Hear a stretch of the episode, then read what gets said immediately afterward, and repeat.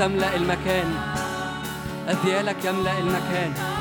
الآن نطلب حضورك يأتي يأتي ملكك ومشيئتك كما في السماء فت في هذا المكان.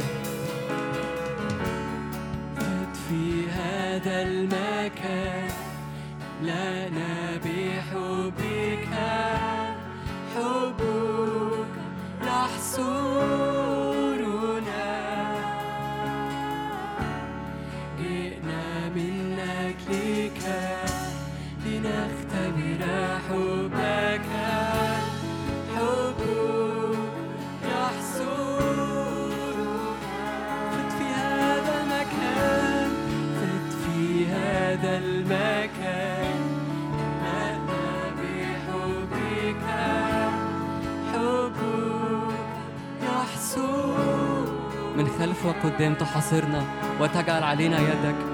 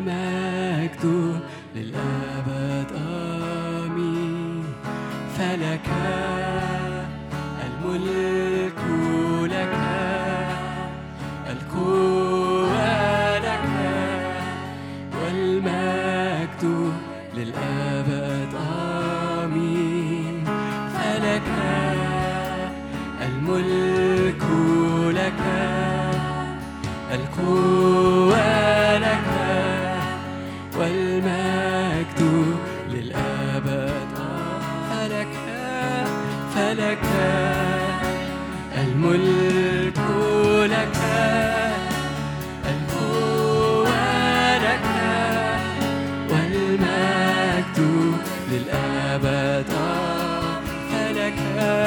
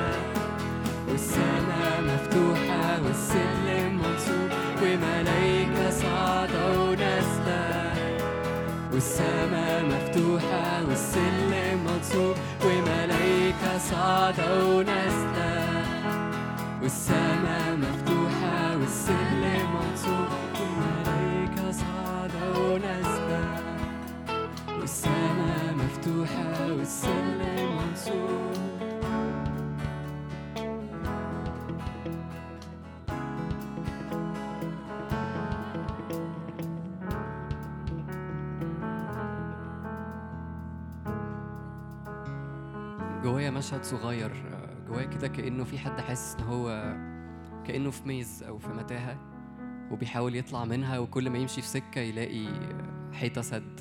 آه، لو الكلام ده بي بي relate ليك أو يعني ليه معنى ليك فممكن تصلي معايا الآية دي. في صمويل التاني 22 عدد 17 الآية دي قالها داود لما ربنا أنقذه من شاول لما كان بيجري وراه لما كان بيحاول يقتله. أرسل من العلا فأخذني ونشلني من مياه كثيرة.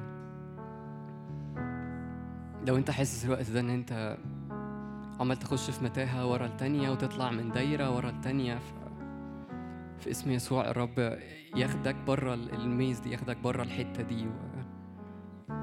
وتطلق حر في اسم يسوع.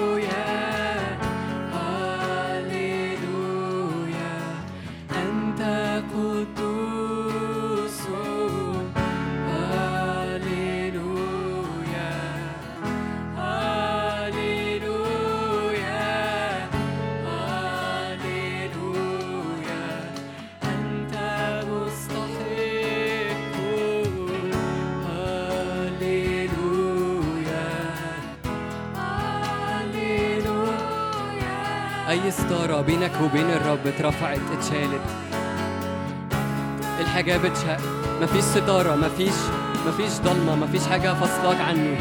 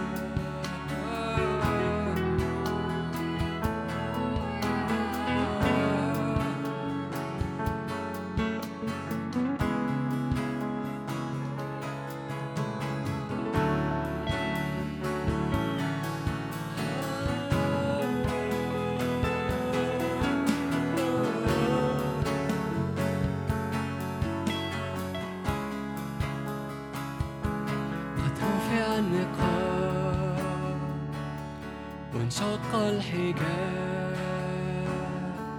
قد رفع النقاب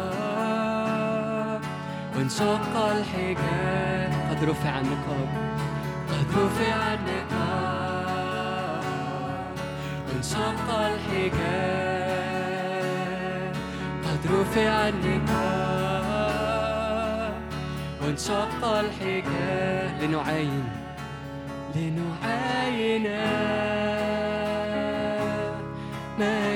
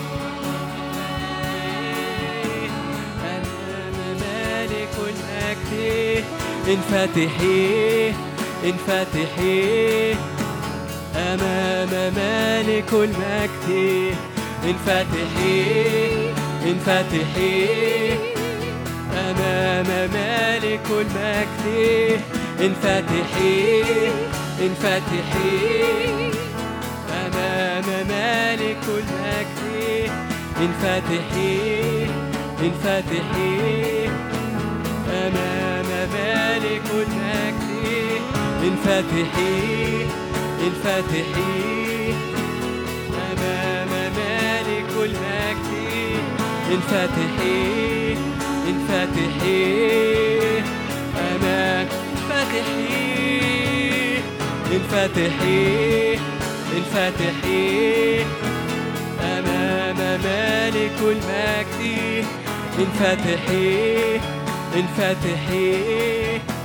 مالك المجد رفع النقاب وانشق الحجاب. رفع النقاب وانشق الحجاب. قد رفع قد رفع النقاب. وانشق الحجاب. لنعاين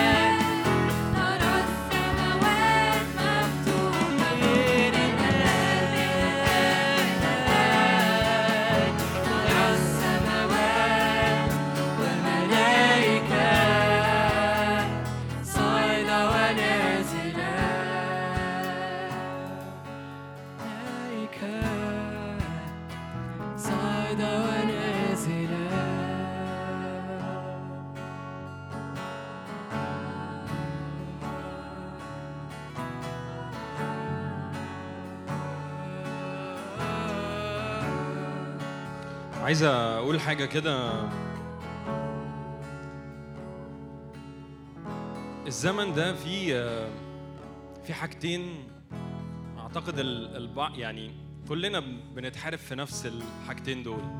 القداسة وقراية الكلمة. مش عايز حد يرفع إيده بس أعتقد من الحاجات ال- المفتاحية قوي إني أفضل مكمل في قداسة وإني أفضل مكمل أقرأ الكلمة. أنا جوايا النهارده صاحي كده على يعني للأمانة من الأسبوع اللي فات وكان جوايا حاجة ليها علاقة بالقداسة. وبعدين ابتدى الموضوع يسخن يسخن ليه علاقة بقراية الكلمة. وأنا جوايا إني هصلي ضد كل نجاسة هنا في القاعة ضد كل حد بيتحارب بنجاسة. إن كان أفكار إن كان واقع تحت إدمانات أنا مصدق إن في نقاب هيترفع النهارده باسم يسوع. خلينا نقف كلنا كده مع بعض معلش. أنا بقول لك أنا أنا بفهمك إحنا هنصلي لإيه عشان أنا مش هصلي لوحدي. والحاجة التانية إن إحنا هنصلي للكلمة إن إزاي نحارب بالكلمة وإن إزاي تكون الكلمة هي أساسية. لو أنا ما عرفتش أمشي وأسلك في الكلمة أعتقد مش هعرف أمشي في القداسة. فأنا هصلي الأول بالكلمة اني كل حد في حرب. أصل أنا مش بفهم أصل أنا بقرأ الكلمة ومش بفهم أصل أنا ما عنديش وقت أصل كل ما أجي أقرأ ما بحسش إن أنا مبسوط قوي ايا كان المسمى أو ايا كان الفكرة. بدون الكلمة مش هتعرف تكمل. مش هينفع يبقى في استمرارية. مش هينفع تبقى بتشوف الإله اللي بتيجي تحضر الاجتماع ده عشان تشوفه. مش وقت لطيف وتسبيح وإن كان ده حاجة عظيمة. لكن مين الإله اللي إحنا بنتبعه وأنا مش عارف الكلمة أصلا بتقول إيه؟ الكلمة هي يسوع. فلما أقول أنا عايز أعرف يسوع وأنا أصلا مش عارف الكلمة في حاجة هنا. وأنا عارف إني أكيد البعض مننا أو كلنا مش متعمد إن ما يقراش اللي هو أنا مش هقرأ يعني مش هقرأ. لكن أنا أنا فاهم إن أوقات بتبقى في سخافة في كلام مرمي ثقافات ايا كان بقى المسمى. فإحنا عايزك تفتح إيديك الاتنين قدامك فإحنا هنصلي الحاجتين ده القداسة وكلمة الله. واستقبل حاجة ما تتفرجش عليا ما تشوفش مين بيعمل إيه هنا لكن استقبل حاجة نازلة دلوقتي من عرش النعمة.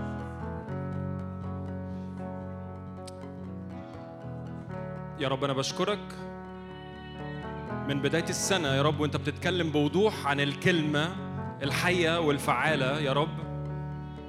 يا رب أنا بستقبل دلوقتي أنا وإخواتي يا رب نقلة في قراية الكلمة وجوع وعطش بشكل يا رب ما اختبرنوش قبل كده باسم يسوع. كل كذبة بتترمي إني أصلي مش فاهم أصلي مش عارف أصلي بزهق. يا روح الله الآن يا رب نار وغيرة للكلمة. يا رب الناس تكون بتقرر إني ما تعملش حاجة في يومها ولا ولا أقعد أسحل نفسي في موبايل ولا إنترنت ولا أي حاجة غير إني أقرأ الكلمة. يا رب أنا بصلي للجوع ده يتحط في في إيدين كل حد دلوقتي جمرات من النار باسم يسوع. يا رب زيارة زيارة الآن لجوع وعطش. يا رب ما اختبرناهوش كجماعة. يا رب زي ما كان دكتور نادر بيحكي في المؤتمر نقلة جماعية كده مسحة جماعية. يا رب نتنقل كلنا في الاتجاه يا رب بتاع إني أصحى وأنام على الكلمة. أصحى وأنام حتى وأنا في ال... وأنا في المواصلات بفتح الموبايل وأقرأ الكلمة. يا رب أنا بصلي جوع وعطش. باسم يسوع. حركة يا روح الله حركة. حركه الآن باسم يسوع حركه الآن باسم يسوع. حركه الآن باسم يسوع. يا رب أنا إيماني يا رب إن في نقلة تحصل يا رب كجماعة يا رب في قراية الكلمة في الجوع في العطش.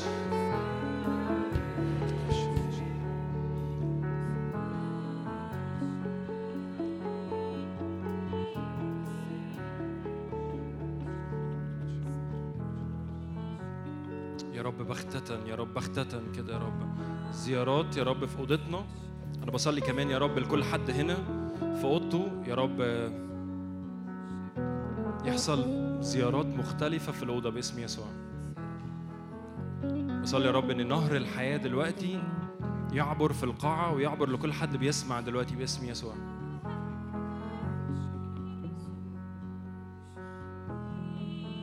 يمكن هناخد كام ثانية إن نستقبل حاجة ليها علاقة بكلمة الله ليها علاقة بيسوع.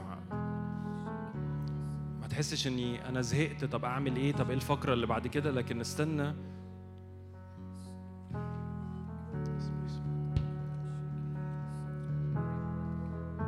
ده مش وقت ضايع لكن وقت فيه. في معجزة بتحصل بالتصاق يسوع في كل حد فينا. الروح القدس بيرف في المكان. الروح القدس بيعمل بيعمل إبراء إبراء الآن إبراء الآن باسم يسوع. إبراء لكل أمور كانت متغلطة عن الكلمة حتى باسم يسوع باسم يسوع.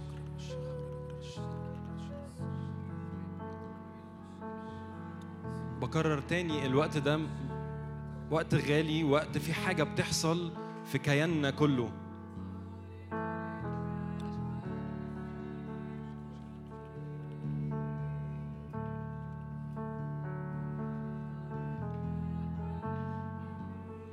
الكلمة يصير جسدا فينا يسوع يصير جسدا فينا.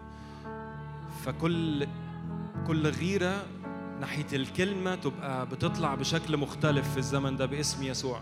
يا رب مش كلمة هنصليها لكن يحصل نقلة باسم يسوع جمعية. باسم يسوع يا رب باسم يسوع.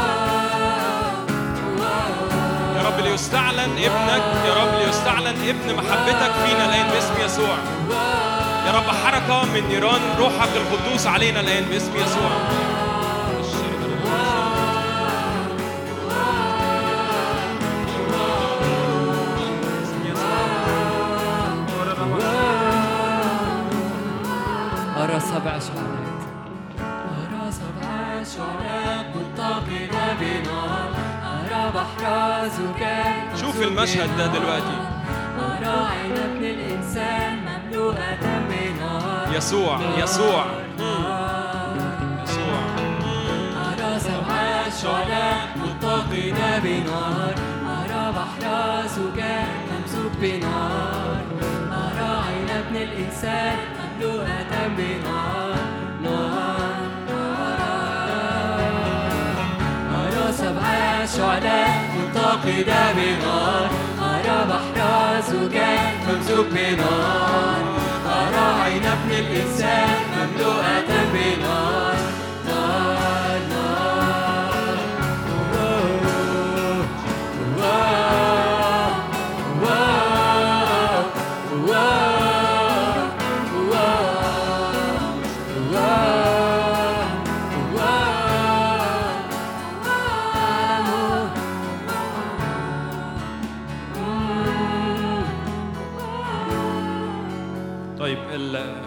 التانية معلش عايزين نصلي للقداسة. خلينا نحط ايدينا على ذهننا معلش. يا رب كل أفكار يا رب كل أفكار يا رب بتترمي من العالم يا رب علينا. يا روح الله الآن بعلن يا رب خوذة الخلاص اللي تحمي يا رب أذهاننا الآن يا رب. يا رب أنا بشكرك لأجل نقلة في التفكير نقلة في الخيال. كل خيال يا رب حصل فيه تعقير. يا رب كان المية بتاعته اتعكرت كده باسم يسوع الآن بعلن. يا رب خيال مقدس الآن باسم يسوع. باسم يسوع باسم يسوع. يا رب أنا بشكرك لأن في حرية بتحصل. يا رب في حرية بتحصل. في ناس هنا بتحصل أمور بتترفع من على أذهانهم ليها علاقه بخيالات غير مقدسة. يا روح الله أنا بعلن قداسة على الخيال الآن باسم يسوع. باسم يسوع. معلش خليك حاطط إيدك خليك حاطط إيدك على راسك كده وصلي. يا رب زيتك دهنتك يا رب على كل حد دلوقتي. معلش الحاجة التانية حط إيدك على على عينك. معلش أنا بحط إيدي على عيني اهو معاك؟ يا رب كل حاجة كل حاجة بشوفها كل حاجة بشوفها كل حاجة عينيا بتشوفها. يا روح الله أنا بعلن فلترة بقداستك الآن باسم يسوع. كل حاجة عينيا العين هي اللي بتودي كل حاجة للذهن وللقلب. فدايما صلي إني عيني تكون مقدسة عيني يا روح الله تعالى ابرق عينينا الآن ابرق عينينا الآن باسم يسوع ابرق عينينا الآن يا رب. كل حاجة شفناها يا رب كل حاجة يا رب عينينا كانت بتتملي بيها. تعالى املأ أنت تعالى املأ أنت يا رب المشهد. تعالى يا روح الله الآن باسم يسوع. تعالى يا روح الله املأ عيونه يا رب الآن باسم يسوع. باسم يسوع باسم يسوع يا رب. عينين ملتهبة عينين يا رب مشتعلة بالنار دلوقتي باسم يسوع. زي ما انت عينيك ملقانة نار. يا رب أنا بصلي عينينا كلنا دلوقتي تتملي بنار محبتك دلوقتي باسم يسوع.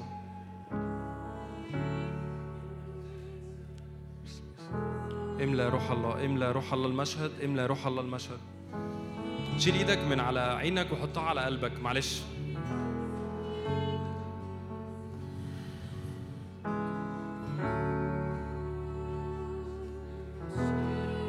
يا رب أنا بصلي شفاء للقلوب دلوقتي باسم يسوع. بصلي روح القداسة يملأ القلوب الآن باسم يسوع. روحك يرف يخترق إلى مفرق النفس والروح والجسد الآن. more more more حضور أكتر يا روح الله. يا رب مش بدرعتنا ولا يا رب بإيدينا لكن يا رب بروحك القدوس. تخترق يا رب تخترق يا رب تخترق الآن باسم يسوع. يا رب أنت تقدس يا رب قلوبنا أنت تقدس مشاعرنا الآن. عارف البعض ممكن يبقى مستغرب اللي بيحصل لكن رب ربنا عايز يعمل حاجة في قلوب كل حد ينزع ينزع كل طريقة ينزع كل سكة كنا ماشيينها كأن ما بيحصلش حاجة. لكن رب النهارده جاي عايز يختم على قداسة جديدة في قلوبنا. يا رب ما نرجعش للأركان القديمة تاني يا رب. لا ننظر إلى الوراء تاني باسم يسوع. بعلن قداستك قداستك يا رب. يا رب أشكرك لأن الجسد كله يصير يا رب نيرا. يا رب أشكرك لأن الجسد كله يصير قداسة قداسة. يا رب كل حاجة فقد أكمل خلصانة يا روح الله. يا رب أنوار حضورك من قداستك تملى يا رب الآن كل قلب فينا دلوقتي. قدس يا روح الله قدس يا روح الله. يا رب أشكرك لأن في إدمانات بتسقط هنا يا رب. في إدمانات في إدمانات في في أمور يا رب كأن ناس مربوطة بيها. يا روح الله الآن بعلن إبراء الآن باسم يسوع. لأن بكلمتك يصير حياة يا رب. نبع الحياة يا رب. يسري في عظامنا الآن يا رب الآن.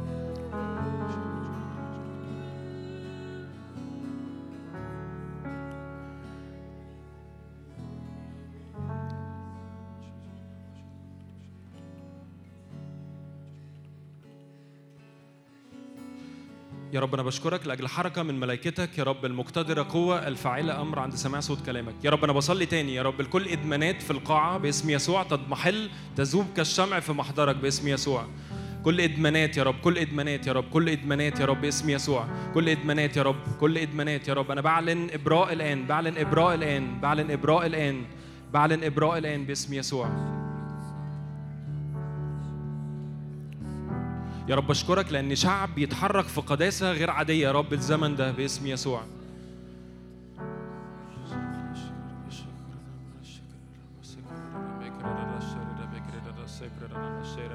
لو بتصلي بالروح تعال نصلي بالروح مع بعض تعال نصلي بألسنة مع بعض. أنا أنا حاسس إن لسه في زقة تاني ليها علاقة بالقداسة وسطينا. باسم يسوع باسم يسوع. يا روح الله تعالى أكتر يا رب تعالى تقل حضورك أكتر علينا.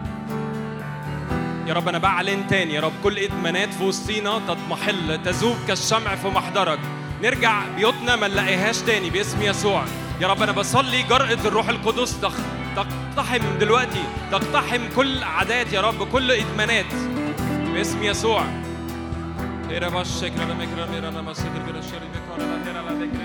يا رب الشفاء شفاء يا رب شفاء يا رب شفاء من كل إدمان دلوقتي. حرية باسم يسوع. بعلن حرية في أجواء القاعة كلها باسم يسوع. كل روح نجاسة الآن باسم يسوع. كل روح نجاسة خارج المكان باسم يسوع. باسم يسوع.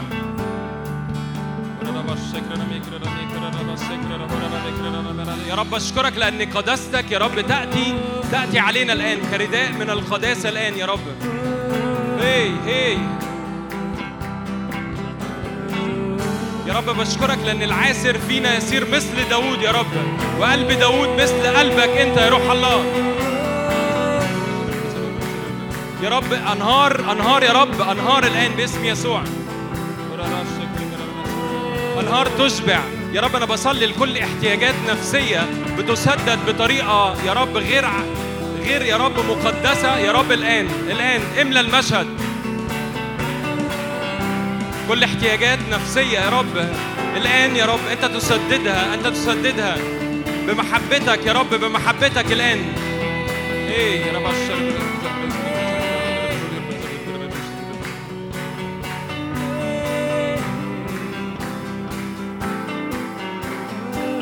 باسم يسوع باسم يسوع باسم يسوع. يا رب أنا بصلي تاني. بصلي معلش ثانية هدي. بصلي بصلي لكل إحساس. كل الناس هنا وسطينا كان بيبقى عندها إحساس إني أنا أنا عندي كبت ومش عارف أعمل إيه فبيقرر إني يروح لطريقة تانية وهي النجاسة. كل كل إحساس بعدم الشبع جوانا يا رب أنا الآن بصلي فتح الآن باسم يسوع. معلش خلينا نحط إيدينا على قلوبنا تاني معلش. يا رب الآن باسم يسوع. أنا بصلي محبتك يا رب هي اللي تستر كل حاجة محبتك يا رب هي اللي تغني. محبتك هي اللي تملى المشهد باسم يسوع. يا رب الشكر يا رب الشكر يا رب رب رب. يا رب أنا بصلي تاني بصلي تاني. كل كل حاجة جوانا مش مقدسة الآن بتخرج خارج الهيكل باسم يسوع. يا رب أنا بصلي إن شعب مقدس يا رب. بصلي شفاء شفاء يا رب لكل أمور نفسية يا رب أرضية شيطانية يا رب كل أمور نفسية يا رب بتترمي علينا من العالم يا رب. وكأني بحس إنني أنا زهقان فهعمل كده. أنا مش عارف مش مش حاسس بمحبة. يا رب أنا بصلي إن أبا الآب يا أبا الآب تعالى بمراحمك علينا كلنا الآن. تعالى يا روح الله تعالى يا روح الله. بنفخات منك يا رب فيصير شفاء يا رب شفاء يا رب شفاء يا رب شفاء يا رب شفاء يا رب شفاء يا رب شفاء يا رب شفاء يا رب. لأن بجلدتك يا رب كل حاجة خلصت بجلدتك شفيت كل حاجة يا رب على الصليب يا رب. أنت دفعت ثمن ده يا رب. يفنى النقاب يفنى النقاب يا رب يفنى كل كلمة بتتقالك إنك أنت عمال تلف في نفس الدايرة وما بتخلصش منها تتكسر الآن باسم يسوع. تتكسر الدايرة دي يا رب والسلم المنصوب هو يا رب ال- ال- ال- اللي فيه إحنا نمشي ونطلع للسماء نطلع إلى أورشليم السماوية. يا رب أنا بعلن بعلن يا رب حركة جديدة يا رب على الاجتماع كله باسم يسوع. على الشباب يا رب على الزمن ده يا رب. لا دواير يا رب من الحصار في النفس يا رب لكن نلتصق بيك نلتصق بيك نلتصق بيك نلتصق بمحبتك. يا رب أنا بشكرك لأني الموضوع مش هيخلص في الاجتماع هنا لكن يا رب هيكمل معانا. القداسة هتكمل. بشكرك يا رب لأني رؤى وأحلام القدير تملى. كلمات قداسة تكون بتتفجر وسطينا يا رب الزمن اللي جاي باسم يسوع. باسم يسوع. قدوس اسمك قدوس اسمك مهوب اسمك قدوس اسمك. يا رب شكرا شكرا يا رب من أجل كل حرية حصلت في القاعة. شكرا من أجل كل أمور يا رب. شكرا يا رب لأجل حجر المعونة. صلي معايا كده أقول له يا رب شكرا لأني مش هرجع للأركان القديمة تاني. شكرا لأني مش هرجع لكل إدمان تاني. صلي الصلاة دي معايا بليز من فضلك. انت اللي هتشبعني انت اللي هتسدد كل احتياجاتي. انت فيك النعم وفيك الأمين. انت إله كل غنى. محبتك محبتك تشبعني محبتك تشبعني. مش أي حاجة تانية مش أي إدمان تاني يا رب. يا رب شكرا شكرا يا رب لأجل قداسة نارية. يا رب هتبقى هتبقى باسم يسوع باسم يسوع.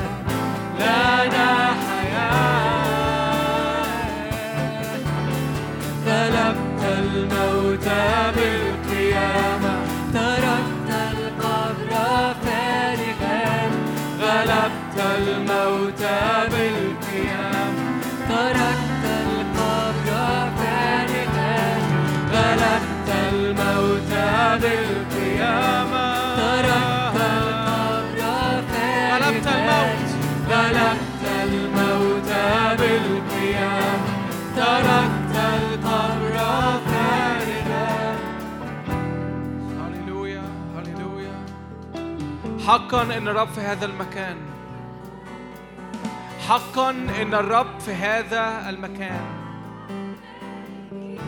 معلش أنا عايزك تركز كده ثانية واحدة. معلش أنا عايزك لو عايز تفتح عينيك افتح عينيك بس أنا عايزك توعى للي بيحصل. حقا إن الرب في هذا المكان. أرجوك ما تتعاملش مع اللي بيحصل إنه عادي. أرجوك ما تتعامليش مع اللي بيحصل إنه كما لقوم عادة اجتماع وخلاص. حقا إن الرب في هذا المكان. الرب موجود هنا دلوقتي.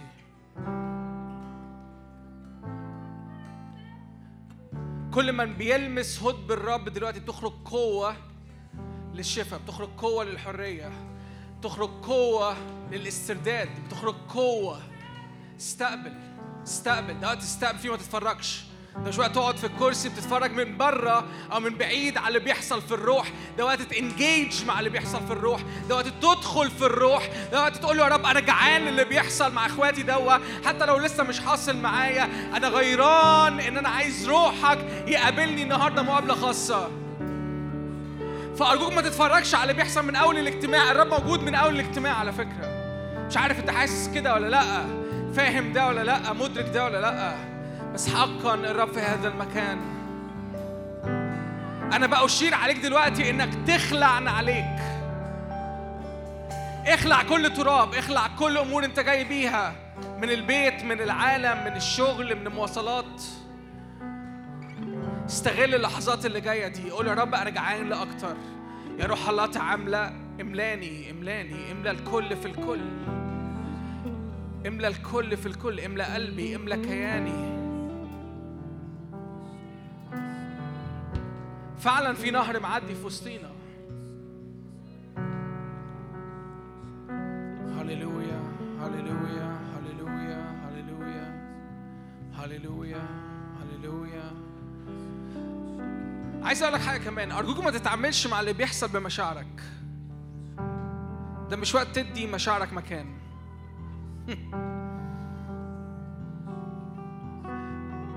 ده مش وقت تقول أنا حاسس أو مش حاسس مش ده المعيار. الرب حقيقة في المكان. لو قررت إنك تتعامل مع الرب serious الرب هيتعامل معاك serious كون جد مع الرب. كوني جادة مع الرب ده مش وقت تتفرج على اللي بيحصل.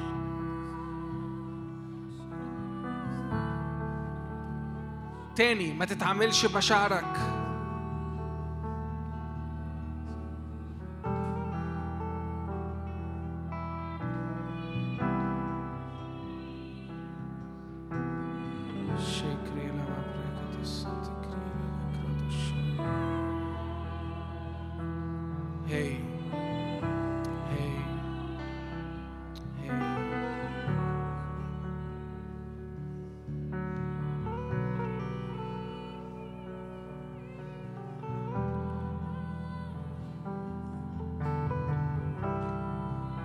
يوم الرب صرت في الروح. كن في الروح دلوقتي. كن في الروح كوني في الروح.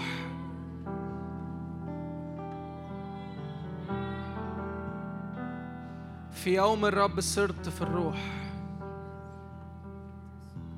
هللويا. هللويا. هللويا. خرج عبادة خرج سجود قدام الرب. اسجدوا بالروح وبالحق. اعبدوا بالروح وبالحق. اسجد أمامه بالروح وبالحق. هي هي. اعبدوا فهنا لا ندعو. بالروح وبالحق مش بترنيمة.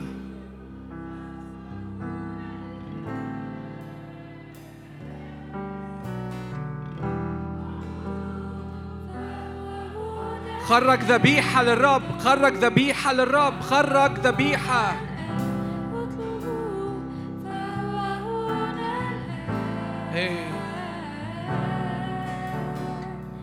أعبدوا فهو هنا لا ندعو أطلبوا فهو هنا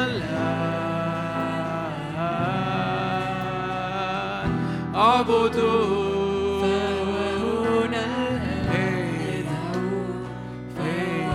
serious. Be serious.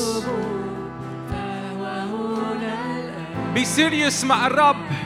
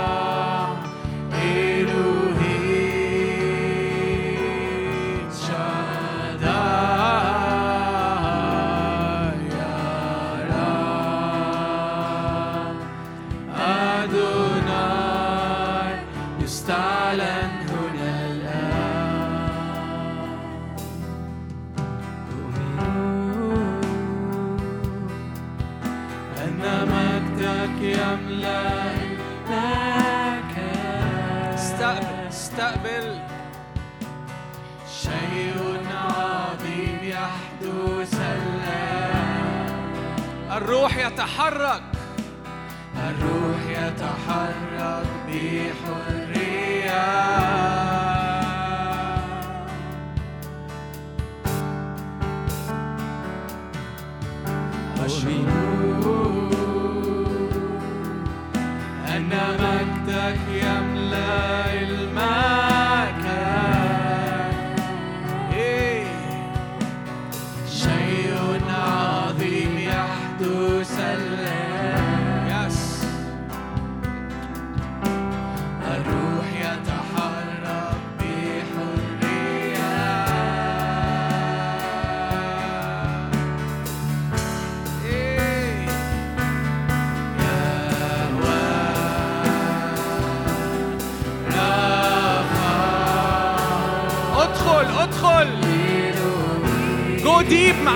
ديبر معاه.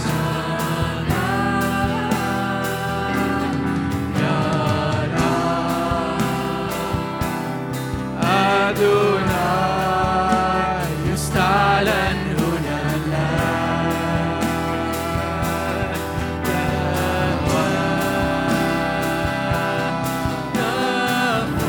خرج صوتك خرج صوتك.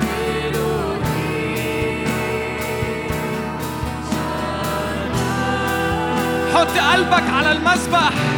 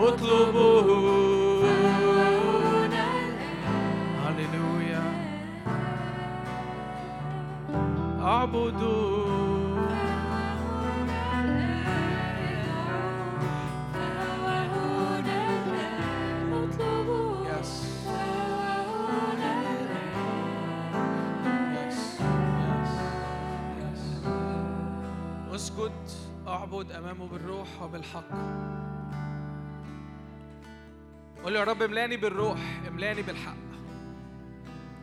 قول يا رب أنا جاي النهارده فاتح قلبي فاتح ذهني فاتح مشاعري فاتح كل بواباتي ان أستقبل الروح ان أستقبل الحق. عشان أعرف أخرج عبادة تليق بيك. عشان أعرف أكون في علاقة معاك. عشان أعرف اورشب عشان أعرف أعبد.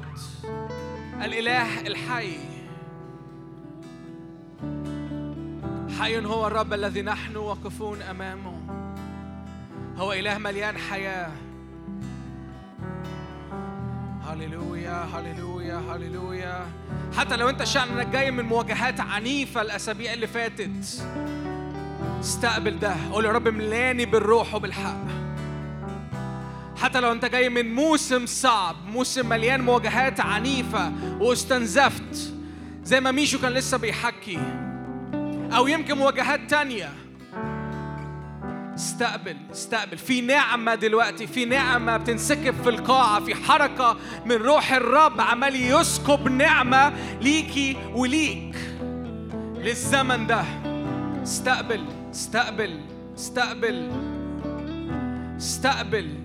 النهر بيعبر في وسطينا اشرب من ماء الحياة. انزل في المية انزل في النهر. قول يا رب أنا عايز معمودية جديدة معمودية الروح والنار. هللويا. قول يا رب أنا جاي أجدد عهودي قدامك. أنا عايز أستقبل معمودية الروح معمودية النار. هي هي هي هي. هي في ناس بطلت تشوف السماء مفتوحة. استقبل. في ناس كانت بتشوف السماء مفتوحة وبطلت تشوف السماء مفتوحة. وبتقول يا رب أنا مش عارفه أشوف انيمور مش عارفه أتلامس مع حضورك هي هي هي حقا إن الرب في هذا المكان. في سماء مفتوحة فوقينا فاستقبل ده. استقبل ده استقبل ده استقبل ده.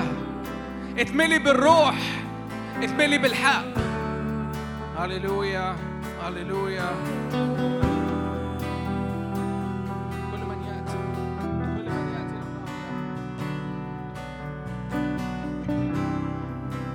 هللويا. أنهار أنهار.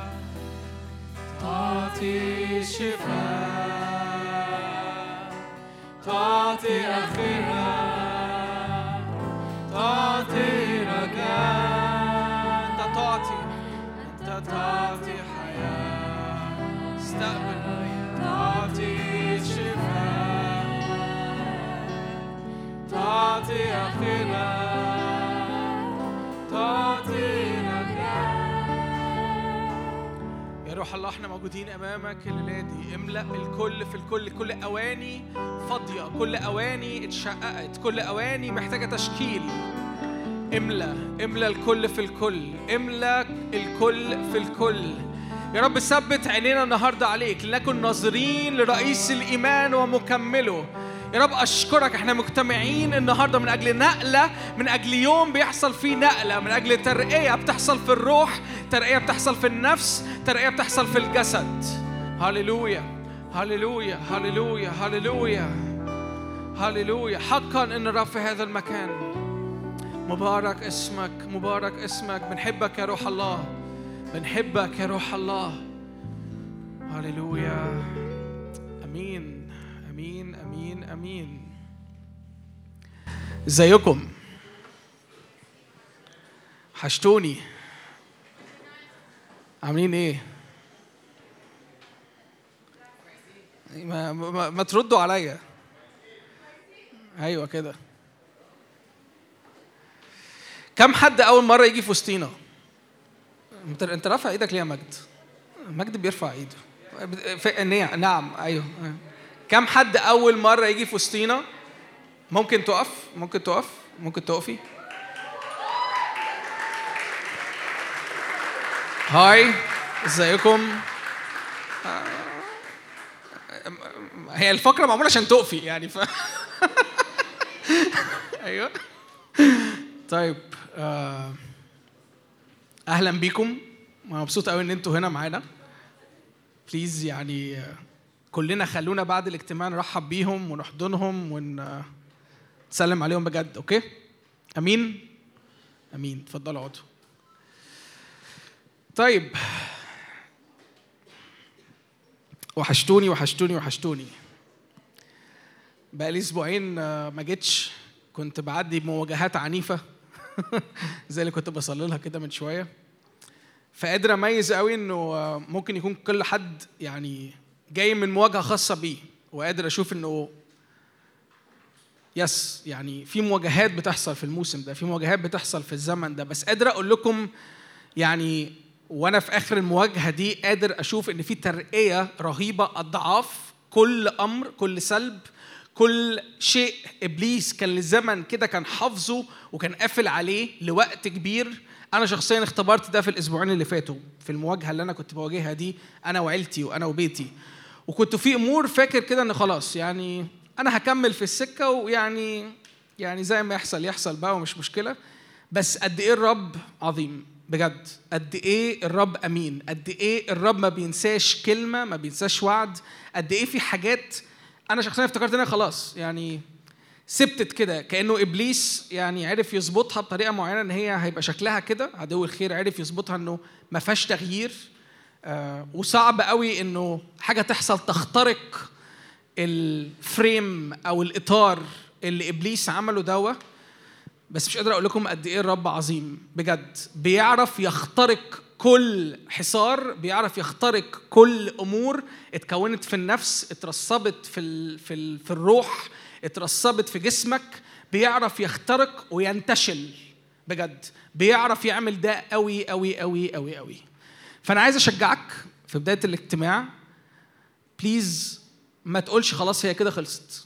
ما تقولش ما فيش رجاء ما تقولش ما فيش أمل في الحكاية دي.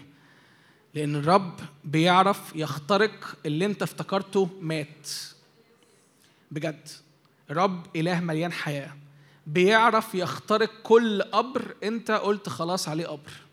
كل حاجة أنت قلت خلاص هي اتحفظت في القبر ده اتقفل عليها اتسد عليها. ملهاش رجوع ملهاش إقامة ملهاش حياة. شكلها موت. أنا I will move on عشان أكمل حياتي.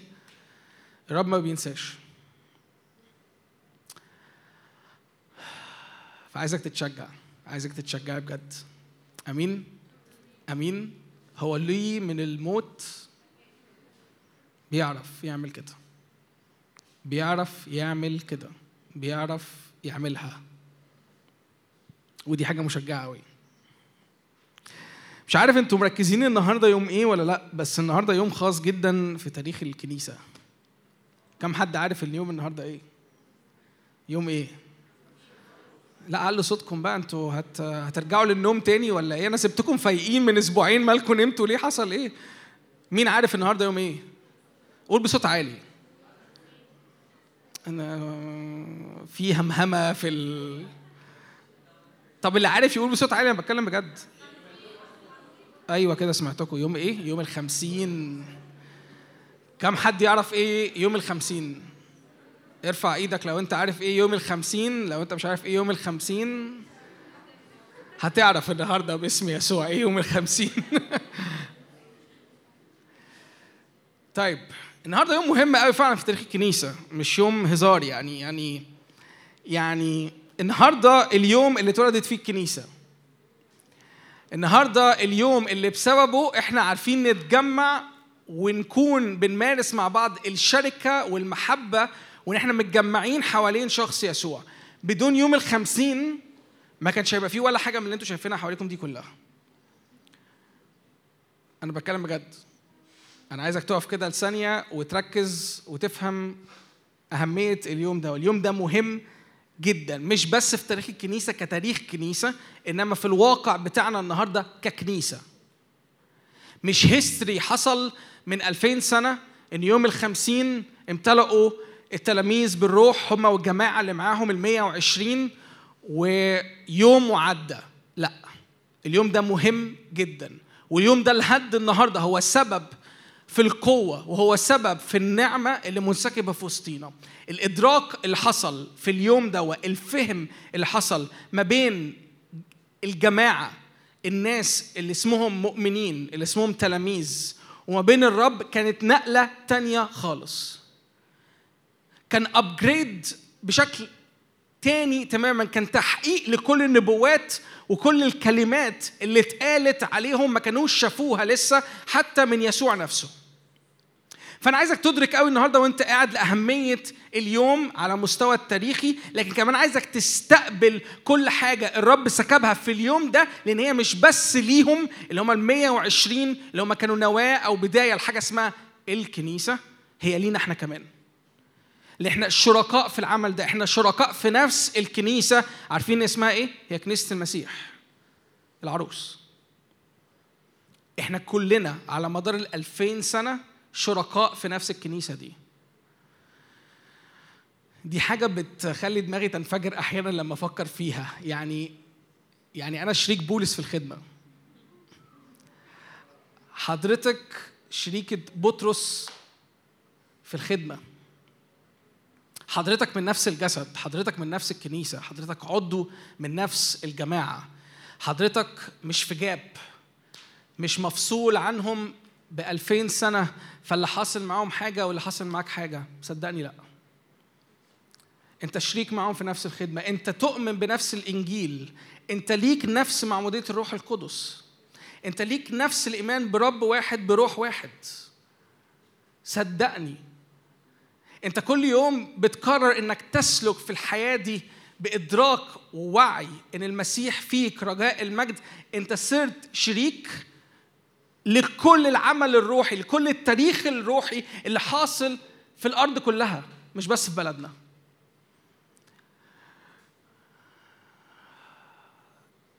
يا يسوع. يا يسوع. قد إيه أنت مهم؟ قد إيه أنت مهمة؟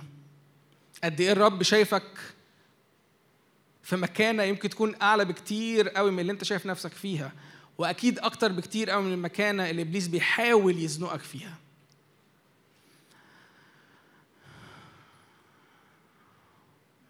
أنت كل مرة بتقرر إنك تنزل الشارع أنت بالظبط زي ما الرسل كانوا بيتحركوا في الشوارع وبيلفوا من بلد لبلد. كل مرة بتقرر انك تركب تاكسي وتسيب روح الله يتكلم من خلالك انت بالظبط زي ما كان الرسل بيطلبوا إرشاد الروح القدس ويقولوا له رب نروح فين؟ ونيجي منين؟ ونتكلم مع مين؟ ونقول إيه؟ تقول لي ما تكبرهاش قوي كده يا سام ما تأفورش. لا هي هي بالأفورة دي. هو ده إيماني فعلا هو ده إيماني بشكل حقيقي. هو ده إيماني إن كل مرة أنت بتقرر تتكلم مع حد في الشغل أو في الجامعة أو في البيت عن شهادة يسوع المسيح أنت بتشهد عن العمل اللي فيك أنت بتشهد عن العامل فيك الله العامل فيكم. أنت صدقني بتشترك بالظبط مع الكنيسة الأولى في اللي بيحصل. لا أنت أقل لا أنت بعيد عنها. لا أنت مفصول عن الإعلانات والمستوى الروحي اللي كان بينسكب في وسطيهم. أنا عارف إن الكلمة اللي قلتها في الأول تخد أنت بجد شريك بولس وبطرس. أنت بجد شريكهم. أنت بارتنر هم شايفينك في السماء بارتنر هم شايفينك وأنت مقرر إنك تعيش حياتك بالإيمان ده شريك ليهم. مش واحدة عايشة سنة 2023 متلخبطة في نفسها. زي ما إبليس عايزك تفتكري. ولا واحد ضعيف مش عارف يعمل إيه في قرارات حياته. زي ما إبليس عايزك تفتكر.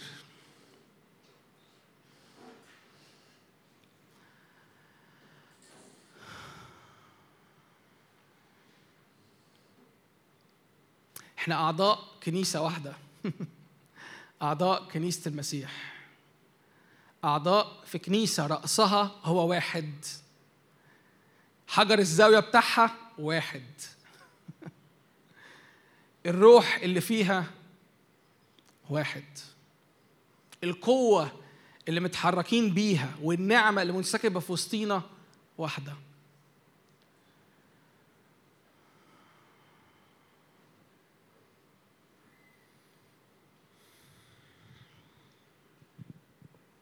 افتح معايا كده.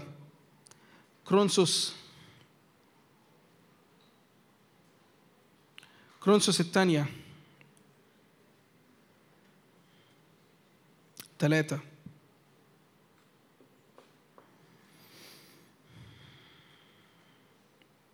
كورنثوس الثانية ثلاثة من أول عدد 12 هتقروا معايا؟ هتقروا معايا ولا هتعل... هتقولوا الصوت عالي يعني ولا ولا هقعد كتير بقى أقول لكم يلا فوقوا قوموا واعملوا الحركات دي؟ هتقولوا ها؟ جاهزين؟ من عدد كام؟ فإذ لنا نستعمل وليس كما كان موسى لكي بل لأنه حتى اليوم عند قراءة العهد العتيق الذي يبطل في المسيح البرقع بيبطل في إيه؟ ركز ركز فإذ لنا رجاء مثل هذا فبيحصل إيه؟ لأنه لينا رجاء بنستعمل مجاهرة لينا الحق ان نبقى over ليك الحق إنك تبقى radical في إيمانك. ليك الحق إنك تجاهر بكل إيمان ليك. ليه؟ لأن ليك رجاء. ليس كما كان موسى. موسى كان بيضطر يغطي النور واستعلان المجد اللي حصل من كل مقابلة ما بينه وما بين الرب في المقابلات اللي ما بينهم. ليه؟ لأن الشعب ما كانش بيفهم إيه ده. ما كانش بيعرف يتعامل مع الحضور ما كانش بيعرف يتعامل مع مجد الرب ما كانش بيعرف يتعامل مع المقابلة الوجه لوجه يعني إيه إنسان بيعرف يقابل الله وجها لوجه؟ ده بالنسبة لهم في العهد القديم حاجة أصلا تخبل حاجة تجنن. هو يعني إيه أدخل خيمة أتقابل مع الله كما يكلم الرجل صاحبه وأخرج من الخيمة وجهي بيلمع. ده على مستوى العهد القديم حاجة مش طبيعية حاجة مش ممكنة. على مستوى الناموس ده ده هرطقة. تخريف. موسى كان بيعرف يخترق كل limitation حاصل. وعلشان يا دوبك يحاول يفهمهم اللي بيحصل جوه وعشان ما يبقوش offended بلغة النهارده يعني ما يتعثروش بلغة النهارده كان بيغطي وجهه ببرقع. كان بيجيب زي حاجة يحطها على وجهه علشان الناس مش هتفهم مستوى العلاقة والعمق اللي ما بينه وما بين الآب مستوى العلاقة والعمق اللي ما بينه وما بين الخالق. وقد إيه مستوى عمق العلاقة ده مش بس مش بتكلم عنها بشكل لذيذ جميل بشعر فيه بمشاعر حلوة لأ ده منعكس على وجه موسى في الفيزيكال. منعكس عليه في الجلده منعكس عليه في وجهه وجهه كان يلمع.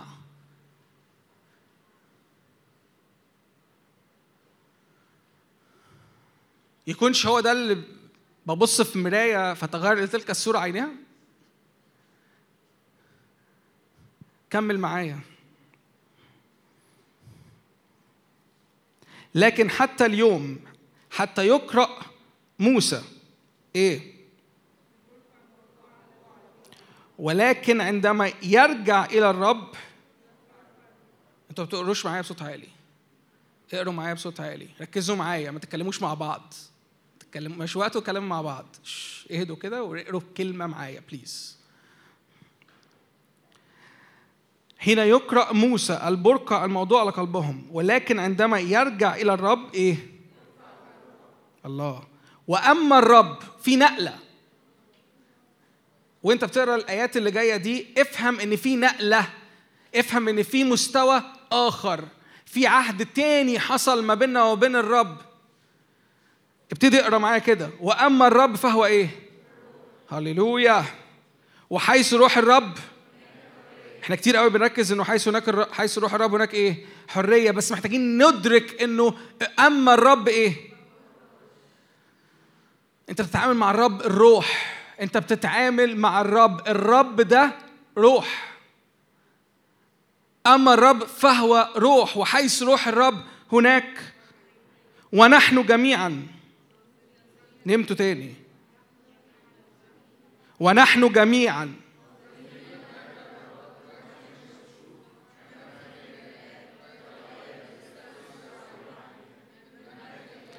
كما هللويا. بجد هللويا. بجد هللويا. هو ده اللي الرب دعيك ليه طول الوقت. الرب مش دعيك إنك تحط برقع الرب مش دعيك إن أنت تستحي. الرب مش دعيك إنك تتكسف من الرجاء اللي ليك في المسيح. الرجاء اللي ليك في المسيح بيخليك تجاهر بالمجد بيخليك تجاهر بالتحول اللي بيحصل فيك.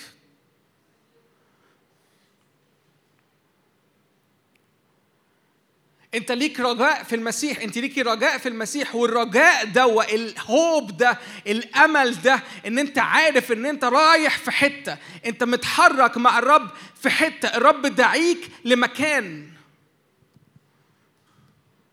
انت ما بتتعاملش مع أصنام. أما الرب فهو إيه؟ اتركبت جواك؟ أنا مش عايز أعدي النقطة دي غير لما تتركب الترتيب ده يتركب جواك يترتب جواك صح. ليك رجاء في المسيح ولا لأ؟ You have hope عندك أمل إنه بكرة الرب بيعمل حاجة؟ إن الرب واخدك لحتة؟ عندك أمل؟ خلي بالك إبليس عارف بيعمل إيه؟ إبليس طول الوقت بيحاول يعمل إيه؟ يقتل الرجاء ده. هيقول لك إنه خلاص زي ما كنت بحكي شوية في الاختبار اللي كنت بحكيه ده خلاص. ده قبر مات انتهى.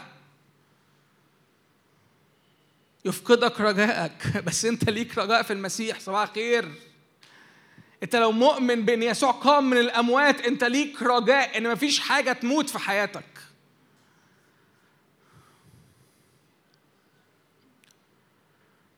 والرجاء دوا بسبب إنه موجود فانت ليك مجاهرة.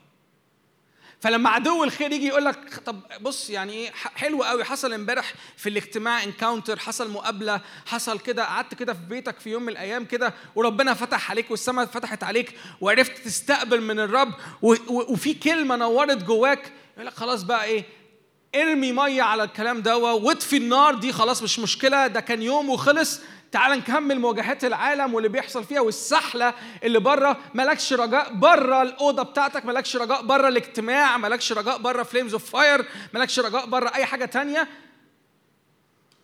هو ده الابليس طول الوقت بيحاول يلعبه معاك.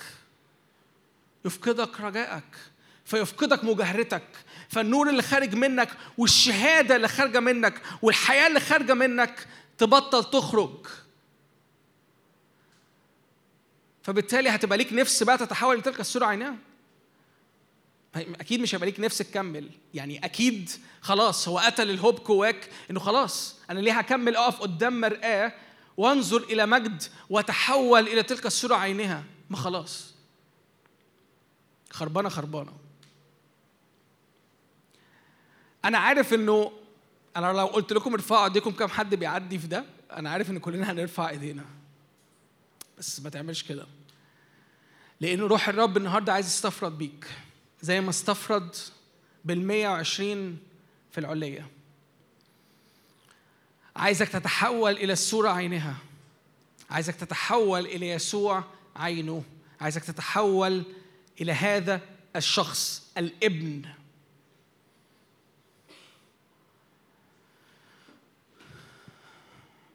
أما الرب هو الروح.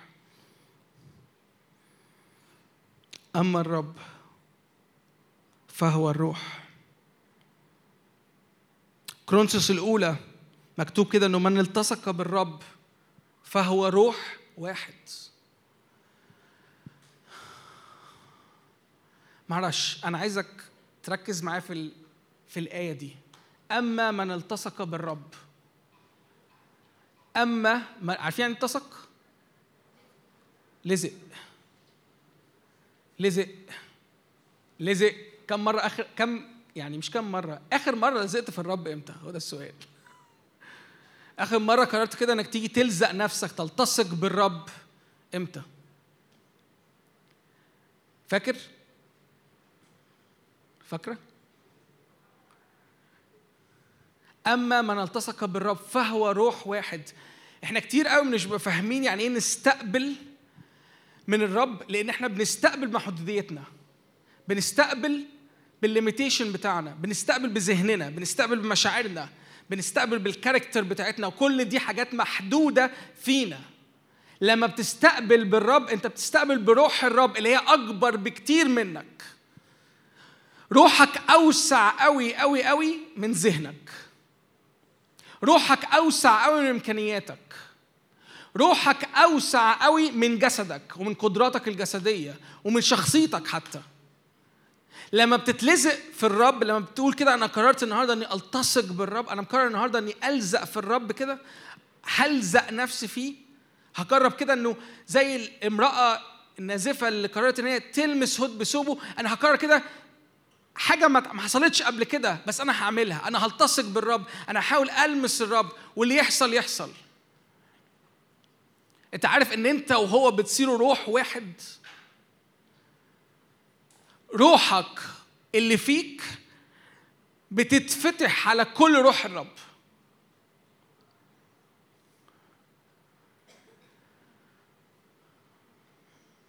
يا لهوي على مناظركم. يا لهوي على وشوشكم.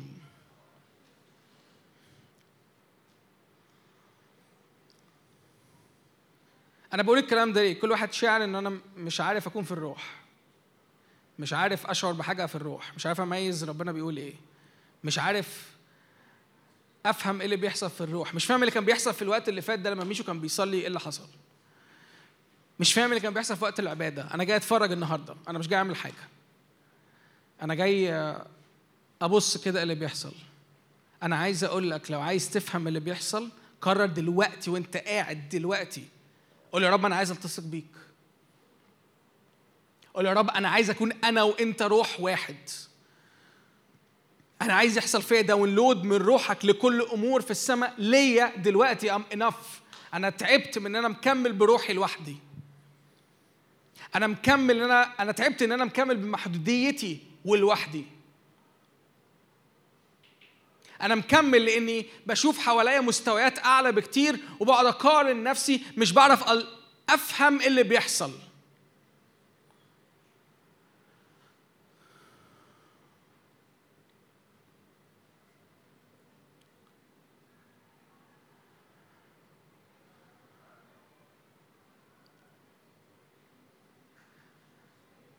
افتح إيدك كده قدامك معايا. أنا حاسس إنه محتاجين نصلي دلوقتي الصلاه دي. افتح إيدك كده معايا. وخلينا نكون هاديين في الروح دلوقتي. خلي خلي روحك هادية قدام الرب. أرجوكم لو في حركة كتير خلونا نهدي الحركة في القاعة.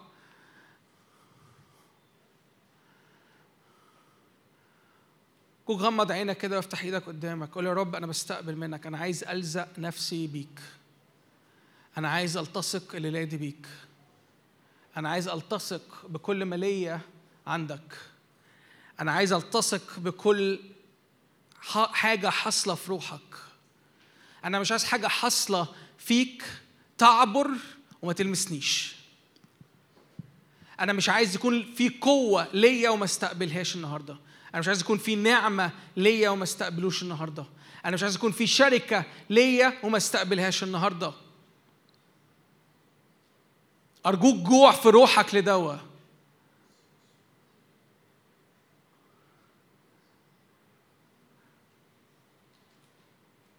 خد قرار واعي كده وقول يا رب أنا بلتصق الليلة دي بيك.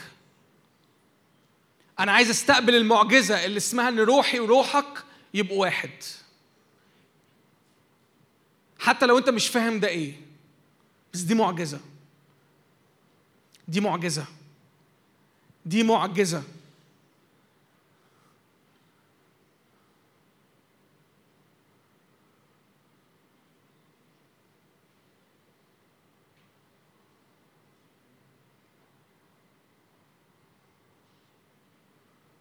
أنا مصدق إن روح الرب في المكان دلوقتي عمال يلزقك بيه.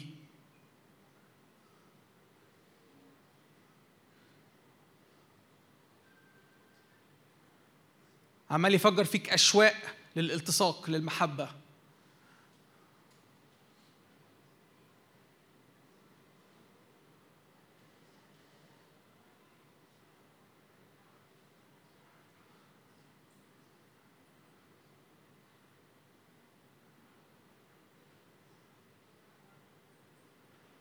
زي ما الزوج والزوجة بيلتصقوا ببعض الرب دلوقتي جاي بيلزقك بيه. بيدخلك معاه في علاقة حميمة. بيربطك بربط المحبة. يقول يا رب أربط قلبي اربط المحبة أربط ذهني أربط روحي أربط نفسي.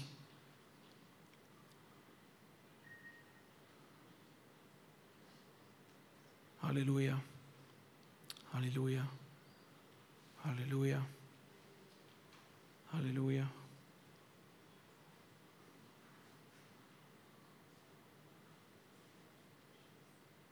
واو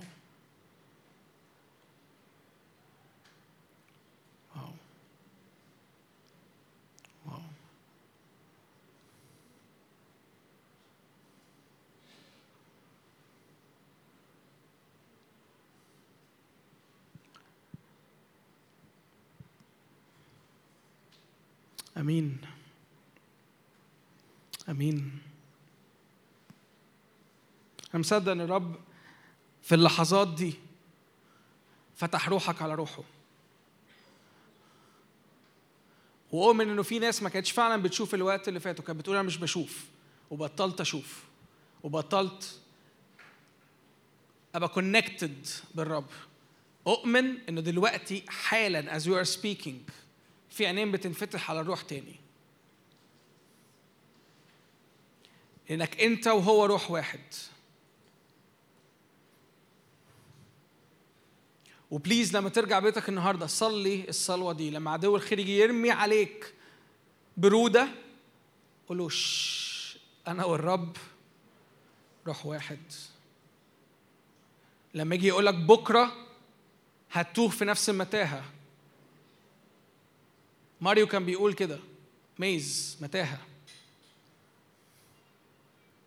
قول له أسكت أنا والرب روح واحد. أنا والرب روح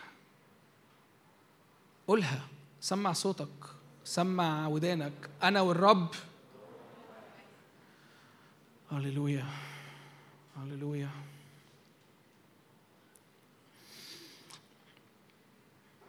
يوم الخمسين يوم مهم لأنه التلاميذ صاروا مع الرب روح واحد. لأن الكنيسة صارت مع الرب روح واحد. اللي حصل في يوم الخمسين إن هم امتلأوا بالروح القدس فالتصقوا بالرب أرواحهم صارت واحدة مع الرب. كل اللي ما كانوش فاهمينه من أمور كان يسوع بيحاول يقولها لهم عينيهم نورت عليها. كل ألغاز كانوا بالنسبة لهم دي ألغاز. إحنا مش فاهمين. إحنا مش فاهمين. إحنا مش فاهمين اللي أنت بتقوله. وكانوا بيقولوا هنفهم بعدين. هو لسه مكمل معانا. لسه قدامنا فرصة نفهم. ومرة واحدة ما بقاش في وسطيهم. ومرة واحدة حسوا في خمسين يوم إنه إحنا مش فاهمين اللي بيحصل. أنتوا عارفين إنه كان في 40 يوم من اظهارات صح؟ أنتوا معايا ولا تهتوا مني؟ خمسين يوم ركزوا معايا بليز ركزوا معايا. خمسين يوم فيهم 40 يوم إيه؟ إظهارات ليسوع. يسوع بيتجلى يسوع بيظهر ليهم بيلمسوه بيشوفوه بيفهموا إيه اللي حصل على قد ما يقدروا يستوعبوا اللي حصل في الصليب وفي القيامة. وكان الوعد إنه انتظروا في أورشليم مين؟ روح الرب. انتظروا في أورشليم روح الرب. عارفين هم انتظروا كام يوم؟ ماث بيزك ماث إيه؟ عشرة أيام صح؟ فضلوا مستنيين المعزي الباراكليتوس الروح المعزي روح الرب. يأتي آخر. فاكرين الآيات دي؟ فاكرين الآيات دي ولا عارفينها ولا مش عارفينها؟ يا نهار أسود. اطفي يا ابني ال live إحنا كده عن لا لا لا لا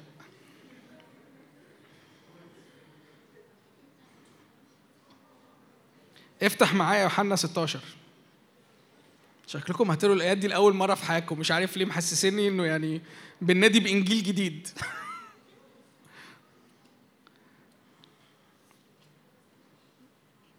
افتح معايا يوحنا 16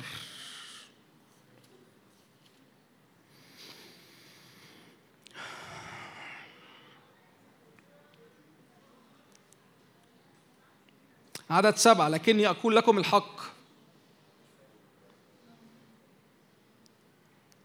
أنتوا ما أنتوا نمتوا؟ أنتوا في إيه؟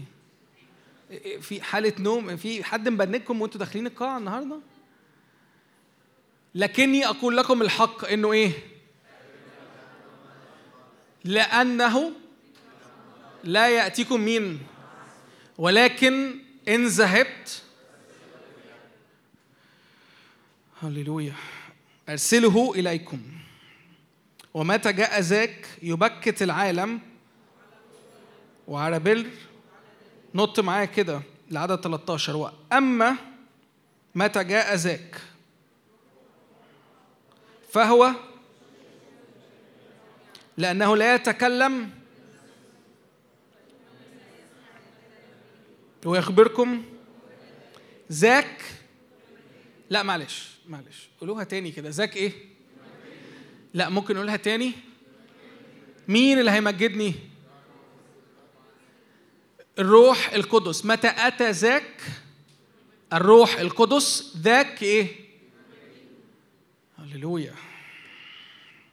لأنه يأخذ كل ما للآب. لهذا قلت أنا يأخذ مما لي ويخبركم. ركزوا في الآية اللي جاية. بعد قليل ثم بعد قليل أيضا إيه؟ لأني ذاهب مين؟ حد فهم حاجة من الكلام ده؟ جون بيبص لي وبيضحك. حد فاهم حاجة من اللي اتقال دلوقتي؟ صدقوني هما التلاميذ كانوش فاهمين زيكم كده بالظبط. هما كانوا بالظبط أوكي يعني تمام اللي أنت شايفه يا ريس إحنا معاك. يعني قول أنت وإحنا هنغني وراك يعني شوف أنت عايز إيه وإحنا معاك. بس بعد ما امتلأوا بعد يوم الخمسين هم فهموا إيه اللي بيتقال هنا.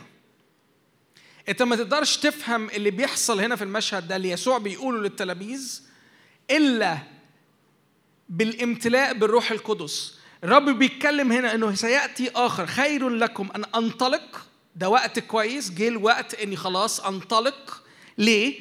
لإنه في حد تاني هيأتي من بعدي. هو اللي هيعزيكم. يعني يسوع نفسه بيمدح إنه جه الوقت إني أنطلق. لإنه في ترقية هتحصل. في نقلة هتحصل. في شيء آخر لازم يحصل.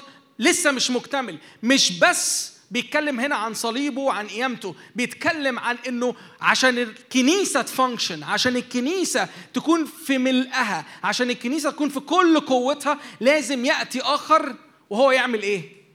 يعزي. لازم واحد اسمه الروح القدس ده شخص اسمه الروح القدس. ده الإقنوم الثالث في الثالوث.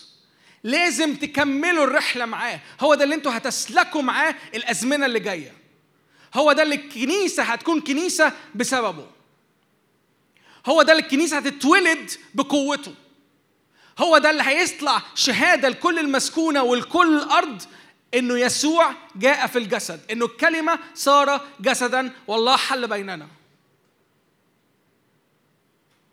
مش هتعرفوا تعملوا كده محدش يقدر يقول إن يسوع رب إلا بالروح القدس. ما تقدرش. ما تقدريش.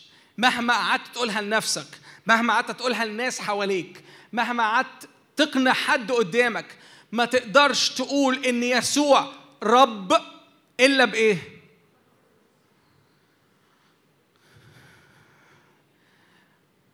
اللي أنا بقوله ده مليان يعني layers كتيرة قوي بس أنا مش عايز أتفرع نفسي في حتت كتيرة جدا منها حاجات لاهوتية ومنها حاجات مش وقتها.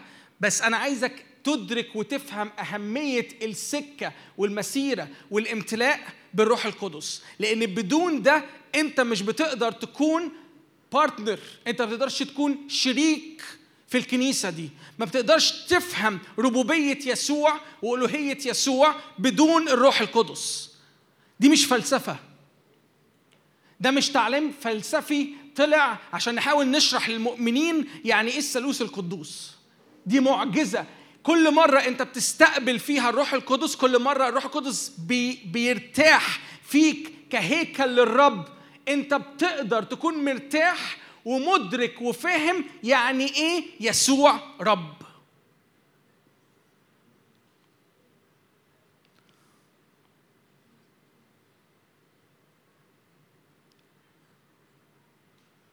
الكنيسة ما كانتش كنيسة ما كانتش هتبقى كنيسة. إلا بيوم الخمسين إلا بالامتلاء بالروح القدس إلا بتكملة السكة كلها مع الروح القدس. إحنا واقفين النهاردة بنقول على نفسنا جماعة للرب مجموعة للرب ناس جاية تتقابل حوالين الرب بس لأن روح الرب في وسطينا. هو اللي بيجمعنا روح واحد. على فكرة روح الرب هو اللي بيطلع التعليم.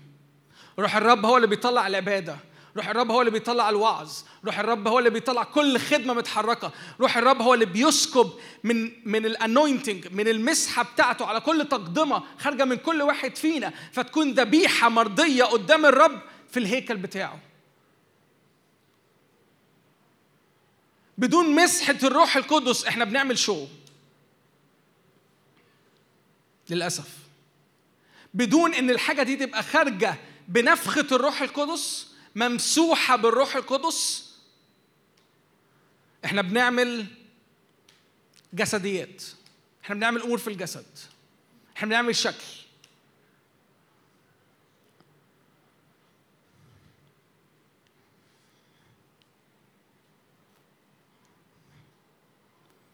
عدد 13 بيقول كده وأما متى جاء ذلك؟ روح الحق. هو يرشدكم إلى جميع الحق. هو بيرشد إلى جميع الحق. الروح فاكرين إحنا بنعبد بالروح وبالإيه؟ عايز تعرف كل الحق أنت محتاج مين؟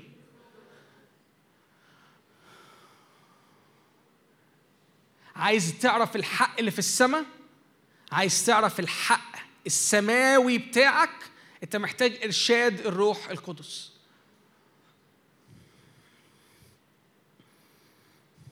لأنه إيه؟ ركز معايا. نفس الكلمات دي نفس التعبيرات دي يسوع كان بيقولها على نفسه.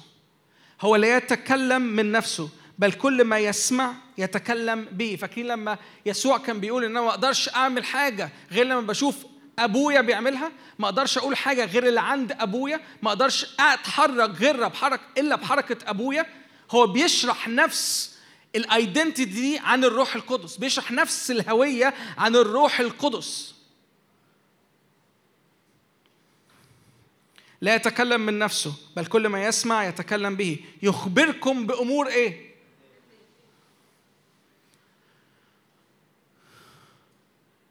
الروح القدس بيرشدك في وسط الضلمة. يخبرك بأمور آتية. عندك تساؤلات في حاجات مش فاهمها؟ الإجابة في الروح القدس. لازم تتعامل مع الروح القدس كشخص. إحنا للأسف ككنيسة الوقت طويل قوي تعاملنا مع الروح القدس إنه قوة حاجة سوبر ناتشرال على فكرة أنا مش بتكلم بس على على التجمعات ال ال ال المتحفظة. أنا بتكلم حتى على اجتماعات زي اللي هنا دي ال- اللي ممكن نقول فيها آه، إدراك ووعي للروح القدس. إحنا كتير اتعاملنا مع الروح القدس إحنا كمان شخصيا كأنها إيه؟ كأنه إيه؟ قوة. وبس. مش شخص. إحنا كأننا نسينا إن الروح القدس شخص. وبقينا بنتعامل معاه إنه حاجة supernatural كده. وبقت الناس بتقول للبعض كأنه معاش شوية من ال supernatural دوا. اديني يا ابني بخمسة كيلو supernatural اديني يا ابني آيات وعجائب. اديني يا ابني تكلم بألسنة. أصل فلان بيتكلم حوالي أنا كنت قاعد في القعدة الفلانية وفلان اتكلم بألسنة وأنا غيرت أنا ما بتكلمش لسه بألسنة. أصل فلان قال إن هو شاف ملاك وأنا ما شفتش فأنا عايز أشوف. أصل فلان حط إيديه على معرفش مين وخف. دي كلها آيات تابعة للمؤمنين. بس أنا محتاج أدرك الأول إنه كل هذه الأمور بتتبع المؤمنين بس الأول المؤمنين دول بدون استلام قوة الروح القدس بدون ما يلبسونا قوة من الأعالي هم كان ولا حاجة. ما يقدروش. كان اللي هيطلع منهم شكل. أقول لكم حاجة كان زمان المؤمنين دول انتهوا في الكنيسة يعني الكنيسة دلوقتي كانت انتهت في أول 100 سنة. بتكلم بجد. اللي إحنا بنعمله ده كله كان انتهى في أول 100 سنة من بعد المسيح. وتبقى قصة وخلصت. إنه كان في التاريخ في واحد اسمه يسوع جه وادعى على نفسه إن هو المسيا وقال إن هو المخلص بتاع اليهود وقال إن هو مخلص العالم وفي شوية أتباع كده مشوا معاه والحركة دي كلها على بعض خلصت بعد 100 سنة. ده آخرها. اللي مخلي لحد النهارده في حاجة اسمها كنيسة واقفة على رجليها. وخارج منها قوة هي حاجة واحدة هي التصاقها بالرب الروح. كل ما انت بتبعد عن الرب الروح كل ما انت مش بتدرك أهمية التصاقك بشخص الروح القدس أنت بتفقد قوتك أنت بتفقد حرارتك أنت بتفقد النار اللي منسكب عليك. دكتور نادر بحب قوي كان بيقول تعبير كده انه لما في يوم الخمسين لما ظهرت شعلات النار فوق راسهم بيقول واضح دي كانت حاجة زيادة يعني حاجة زادت يعني هم امتلأوا كلهم بالنار وإيه وفي شوية نار كده بقلله فوق كل واحد. دي النار الزيادة يعني إيه طلعت كده فوق كل واحد فيهم عشان الرب ما سكبش على قدهم ده الرب سكب زيادة.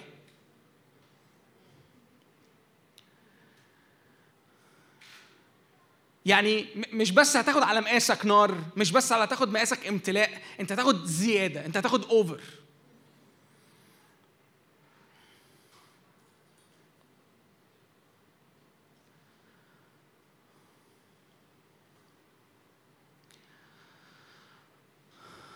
أنا مصدق إن روح الرب عايز يملى كل واحد فينا مش بس على قده مش بس على مقاسه مش بس على حدوده.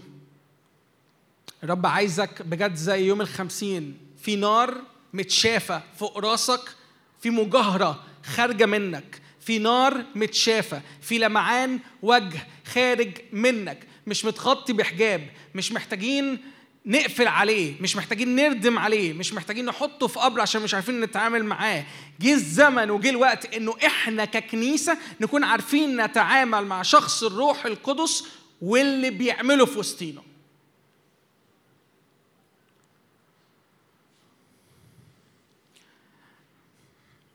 أنا مش عايز أطول في الوقت عشان الساعة بقت بس محتاج أقول لك حاجة مهمة قوي. الروح القدس واللي عمله في يوم الخمسين مش بس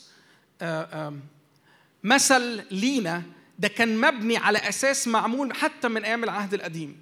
أنا مش عارف أنتوا فاهمين كده ولا لأ بس يوم الخمسين ده في التقليد اليهودي ده يوم الحصاد اسمه عيد الأسابيع. ده بيجي بعد سبع أسابيع بعد خمسين يوم من عيد العبور أو من ال Passover من عيد الفصح. ففي اليوم اللي التلاميذ امتلأوا فيه بالروح القدس نفس اليوم ده الناس كانت بتحتفل في نفس المدينة بعيد اسمه عيد الأسابيع عيد الحصاد. في حد بيسمع وعظة تانية تقريبا.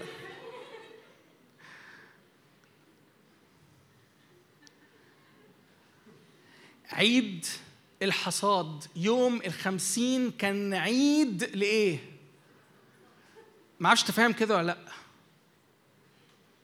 أنت مدعو بالقوة اللي لابساك من الأعالي دي اللي اسمها الروح القدس بقوة الروح القدس شخص الروح القدس والقوة اللي خارجة منك وعمال يلبسك قوة من الأعالي أنت مدعو لإيه؟ للحصاد ده زمن الحصاد ده مش معمول عشان أنت وبس ده معمول عشان تنور ده معمول عشان يخرج منك ثمر كتير.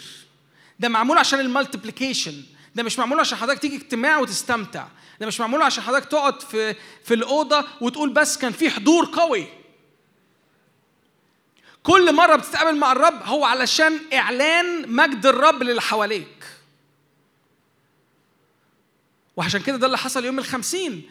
الناس سمعتهم بيتكلموا بألسنة وكل واحد سمع اللسان اللي جاي من البلد بتاعته. ده كان شهادة ده كان استعلان عن قوة الرب الغير محدودة. هم عارفين كويس قوي انه اللي موجودين في العلية دول 120 واحد يهودي. ما يعرفوش يتكلموا اللغات دي. ما يعرفش يخرج منهم اللسان ده. في حاجة بتحصل هنا فوق الطبيعي بمجاهرة. بقوة.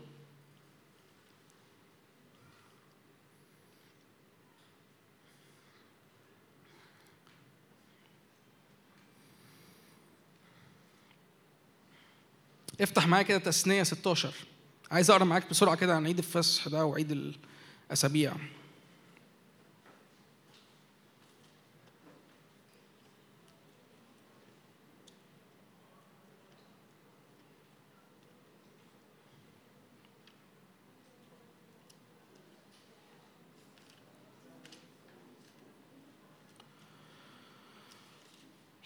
هللويا. أنتوا معايا؟ معايا ولا نمتوا؟ تثنية 16 عدد تسعة. سبع أسابيع. نمتوا تاني. سبع أسابيع. من ابتداء إيه؟ تبتدي أن تحسب وتعمل عيد. هللويا. على قدر ما إيه؟ كل اللي في إيدك تعمله اعمله. كمل. كما يباركك إيه؟ كل اللي تقدر تعمله تعمله حسب ما الرب يباركك. اللي تقدر تعمله إيه؟ أنتوا مش سامعيني. اللي تقدر تعمله قدام الرب في الروح اعمله حسب ما الرب يباركك حسب ما الرب يديك نعمة إنك تعمل اعمل. هللويا. بجد دي حاجة قوية قوي. بجد دي حاجة الرب يعلمك تتعامل إزاي مع الروح. لما تستقبل من الرب حاجة اعملها. كل اللي في كل اللي في مقدرتك كل اللي في استطاعتك إنك تعمله تعمله مش تقول له أنا النهارده بقى صحيت مش حاسس. أنا عارف إنك عايز تعمل بس أنا النهارده مش حاسس. مفيش الكلام ده. في في في في, التقليد دوا لما جم يفهموا يعني إيه يحتفلوا بالعيد دوا استلموه بالطريقة دي من الرب. إن كل اللي تقدر تعمله حسب ما الرب يباركك اعمله. كمل. وتفرح إيه؟ أنت وإيه؟ وابنتك وعبدك وأمتك واللاوى الذي في أبوابك. أنتوا بتقروا معايا؟ كل الناس دي تفرح. كل الناس دي تفرح أنتوا فاهمين؟ ده مش حضرتك لوحدك اللي تفرح مش حضرتك لوحدك اللي تتبسط. ده أنت وبيتك وأهلك واللي جابك واللي جابوك واللي لسه هيجوا من بعدك وكل الناس. دي مش شتيمة. ده الرب بيقولك تفرح انت وكل اللي حواليك لأنه في عيد بيحصل لأنه في فرح بيحصل لأنه في انسكاب بيحصل لأنه في حصاد بيحصل لأنه جه زمن حاجة اسمها الحصاد. جه موسم اسمه موسم الإيه؟ ما ينفعش يبقى جه موسم الحصاد وإحنا قاعدين جوه بنعيط ولا مزنوقين ولا متضايقين ولا محصورين ولا في قبور مع الشاشة ومكملين والدنيا زي ما تكمل تكمل. في حصاد عارفين يعني إيه حصاد؟ يعني في حياة يعني في حاجة اتولدت ومحتاجين نفرح بيها. يعني في قوة يعني أنا هاكل قمح أنا حصدت أنا هحصد دلوقتي القمح اللي زرعته فأنا مأمن نفسي للسنة كلها أنا مأمن السنة كلها اللي جاية قمح وأكل. ده الرجاء مش ده الرجاء؟ أنا عندي رجاء أنا مخزني مليانة قمح. يا خساره أنه يجي زمن العيد بتاع الحصاد وتبقى أنت مش في العليه بتستقبل الروح القدس. يا خساره ما تفوتش على نفسك الموسم. ما تفوتش على نفسك الزمن اللي مليان حصاد من الروح القدس ومن الرب. كمل معايا. تفرح أمام الرب إلهك أنت وابنك وابنتك وعبدك وأمتك واللاوي الذي في أبوابك والغريب واليتيم. هللويا. هللويا. والأرملة الذين في وسطك في المكان إيه؟ ليحل يا يسوع. ده من العهد القديم. لما جه يعلمهم يحتفلوا بالعيد ده إزاي؟ بيقول لهم إنه أنت تعمل كل حاجة حسب ما هديلك. أوكي؟ ده رقم واحد. رقم اتنين تفرح مش أنت لوحدك أنت وكل اللي حواليك. اليتيم والأرملة يا شيخ اللي أنت مالكش علاقة بيهم. يفرحوا معاك. أوكي؟ مش بس كده. في مكان. الرب بيتكلم هنا إنه في مكان الذي يختاره الرب إلهك في إرشاد لإنه في مكان الرب هيختاره عشان يحصل إيه في المكان ده؟ ليحل اسم الرب فيه. يا يسوع يا يسوع. مش هو ده يوم الخمسين؟ مش هي دي العلية؟ قال لهم استنوني في المكان المعين في الوقت المعين. أنا هحل فيكم أنا هحل باسمي. أنتوا عارفين يعني إيه اللي يحل اسمي فيه؟ يعني أنا هحل بكل بكل كياني. أنا اسم الرب ده بيتعاملوا معاه في التقليد العبري أو في الديانة العبرية بشكل عام مش بحاجة استهانة كده مش يحل اسمه فيه يعني حاجة معدية. ليحل اسم الرب في مكان يعني كل الرب بيحل في هذا المكان. فافتكر إن في موضع معين في مكان معين أنا هجيبك فيه وهحل باسمي في هذا المكان. يا يسوع إحنا في العهد الجديد إحنا صرنا المكان ده يا جماعة صباح الخير. أنت هيكل الرب اللي بيحل فيه باسمه. أنت هيكل الرب اللي بيخرج فرح لكل اللي حواليه. انت هيكل الرب اللي مليان اتساع على كل قدرة الرب عمال يسكبها. كمل. كل ما الرب عمال يسكب كل ما الرب عمال يدي ما توقفش.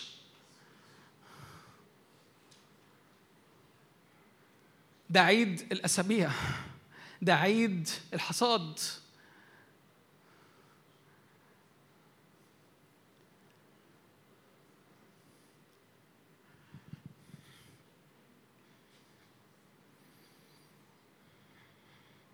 على فكرة عيد الأسابيع أو عيد الحصاد ده بيجي وسط ثلاث أعياد عيد الفصح عيد الأسابيع عيد المظال. دول أهم أكبر ثلاث أعياد شعب الرب بيحتفل بيهم. ولو بصيت على كل اللي كان بيحصل في العهد الجديد هو صورة طبق الأصل لده. هو بيكمل كل أمر ابتدى في اليوم ده حسب التقليد اليهودي يوم الحصاد ده حسب التقليد اليهودي. ركزوا معايا في الحتة دي. ده نفس اليوم بيقولوا كده إنه ده نفس اليوم اللي موسى استلم فيه الشريعة.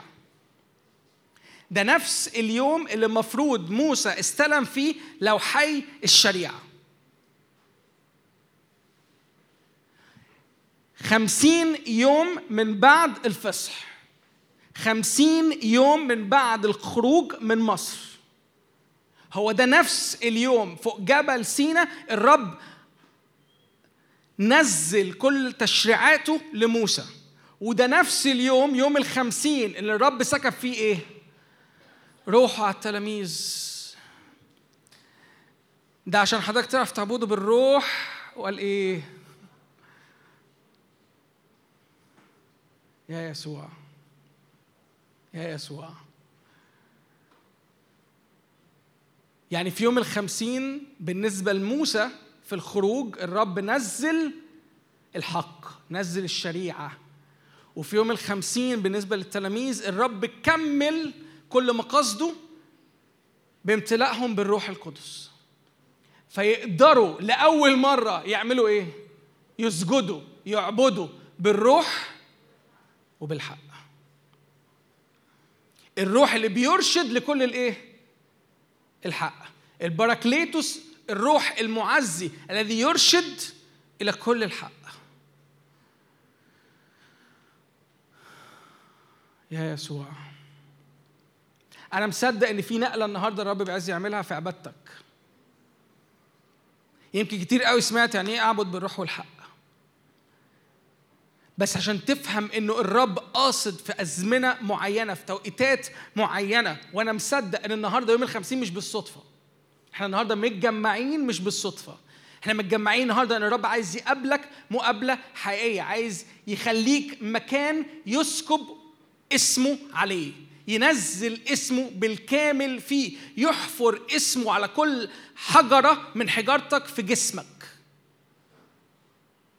فيتعرف إنه هنا في مذبح للرب مليان حجارة حية. ويتعرف إن العبادة اللي خارجة من مذبحك هي عبادة للرب يهوى الإله.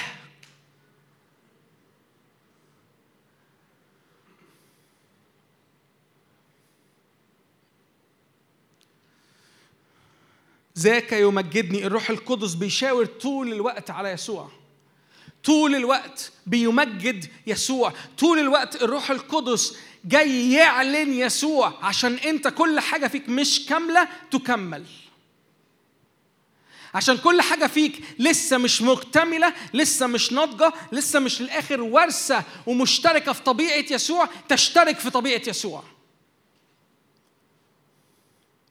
ذاك يمجدني. هو بيمجد يسوع ليا وليك عشان نفهم ال example عشان نفهم الصورة عشان نفهم إيه ال standards إيه المقاييس اللي الرب دعينا ليها.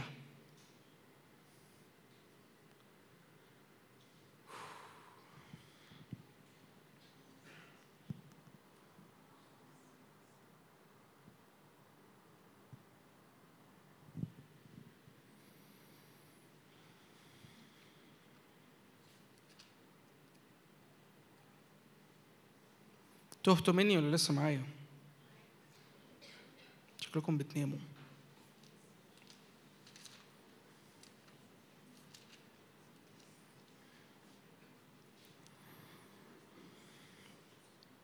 افتح معايا مرقس واحد.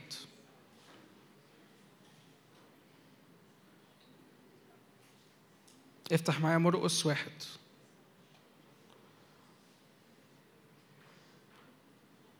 عدد تسعة قادرين تكملوا ولا إيه؟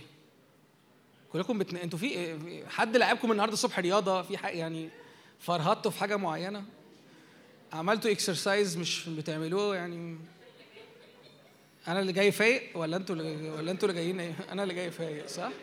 آه أما أنا أسبوعين ما شفتكمش فأنا جاي فايق عليكم بقى النهارده عدد تسعه واحد تسعة. في تلك الأيام جاء يسوع واعتمد وللوقت. رأى السماوات. وكان صوت من السماوات. هللويا. هللويا.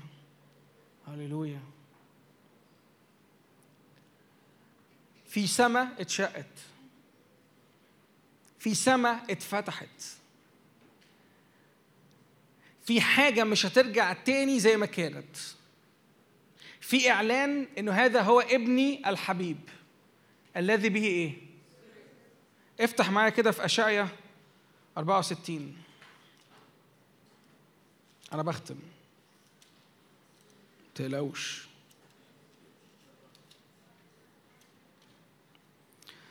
أنا الصلوه دي كنت بصليها كتير قوي في أوضتي. يعني بجد الصلوه دي من أغلى الصلوات اللي يعني شكلت في بدايات حياتي الروحية وغالية جدا عليا. 64 واحد. ليتك. ده أشعيا بيقول كده. أشعيا بي بيصلي للرب. بيقول له يا ليتك وتنزل. من حضرتك تتزلزل إيه؟ كما تشعل النار الهشيم وتجعل النار المياه لتعرف لترتعد الأمم. يا يسوع. تتميم صلوة أشعيا حصلت في معمودية يسوع. السما اتشقت. أنا فاكر كويس قوي وأنا بقرأ الآيات دي لأول مرة عملت ترنيمة عليها. أول ترنيمة أعملها في حياتي عملت مش ترنيمة معروفة يعني. ولا ولا حد غناها ولا قالها قبل كده. بس أنا فاكر كويس جدا من كتر ما الإعلان ده كان ماليني أنا عبدت طلعت طلعت مني ترنيمة طلعت مني من صرخة اشعيا اللي بيصرخها قدام الرب انه يا رب يا ليتك تشق السماوات وتنزل. من كتر الأدو- الأجواء الثقيله اللي فوق الشعب يا ليتك تشق السماوات وتنزل. وكأنه كان استجابة الرب لاشعيا إنه بص أنا لما بعمد ابني اللي بيحصل. بص أنا لما بعمد ابني بالروح القدس اللي بيحصل السماء بيحصل فيها إيه؟ بتتشق.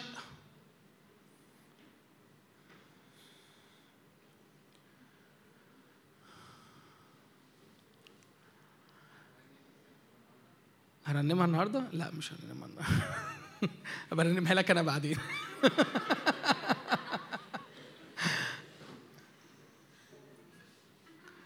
ده مش إعلان على ترنيمه جديدة لا. أنا بس بحكي اختباري أنا الشخصي مع الصلوة دي. فعلا لما اشعيا كان بيقولها قد إيه أنا كان قلبي بيتعسر معاه من كتر ما أنا شايف حواليا في وقت من الأوقات في حياتي. الكلام ده في بداية فعلا معرفتي بالرب. كنت شايف إنه حواليا في سواد ونفسي إنه اعداء أعداء الرب يعرفوا اسمه. ليعرف أعدائك اسمك. تتزلزل الجبال من حضرتك. يبقى في نار كده تنزل كالهشيم تأكل.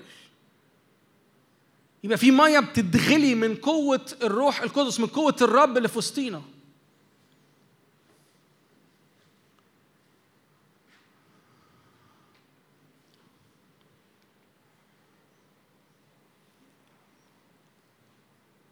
ترتعد الأمم من حضرتك. ده اللي حصل بسبب الكنيسة الأولى ده اللي حصل بسبب يوم الخمسين.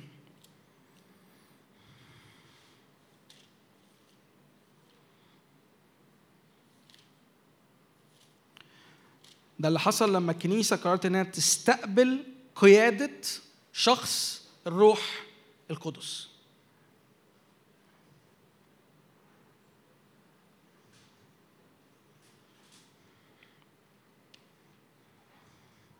أعمال اتنين واحد. ولما حضر يوم الخمسين كان الجميع معا. صار بختة. صوت ملأ. وظهرت لهم. واستقرت. وامتلأ الجميع. وابتدأوا كما أعطاهم الروح. هللويا. هللويا. عدد سبعة. فبهت.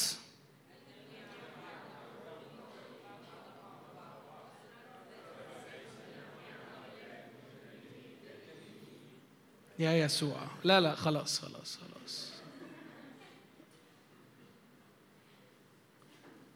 أليس جميع هؤلاء جلاليين؟ أليس جميع اللي موجودين هنا دول قهريين؟ عادي يعني مطحونين في الزحمة والدوشة. والأمور الحياتية بتاعت القاهرة اللي بتسحلهم؟ يعني إيه يخرج منهم حاجة مختلفة؟ يعني إيه يخرج منك لسان مختلف؟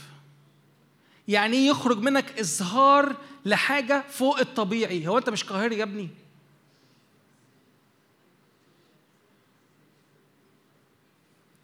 هو انت يا بنتي مش مسحولة زينا؟ مسحولة صح؟ هتحط هت- هترمي همها بقى عليا. أليس جميع هؤلاء جلاليين؟ أنت فاهم السؤال؟ هم دول مش المفروض شكلهم زي شكلنا بيتكلموا لغتنا. مش زمانهم المفروض دلوقتي يكونوا بيحتفلوا بعيدنا إحنا. مش المفروض دلوقتي يكونوا بيحتفلوا بعيد الحصاد زينا؟ هم قاعدين في العليه بيعملوا إيه؟ هو إيه الدوشة اللي خارجة منهم فوق دي؟ هم ليه بيحتفلوا بشكل مختلف؟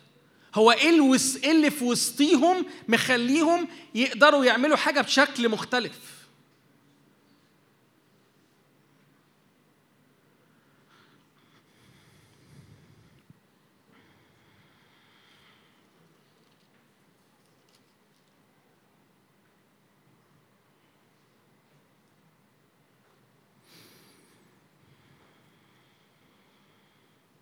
افتح معايا كده أعمال أربعة أنا بختم خلاص. أعمال أربعة. تسعة وعشرين. والآن والآن والآن. انظر إيه؟ امنح إيه؟ بمد ولتجري باسم ولما صلوا. هللويا. وامتلأ الجميع وكانوا يتكلمون. أنتوا مدركين ان كل مرة بيمتلئوا بالروح القدس كل اللي موجود بيمتلئ بالروح القدس؟ يعني لو القاعة دي فيها دلوقتي 200 واحد كله امتلأ بالإيه؟ ال 120 كلهم امتلأوا بالإيه؟ مش 119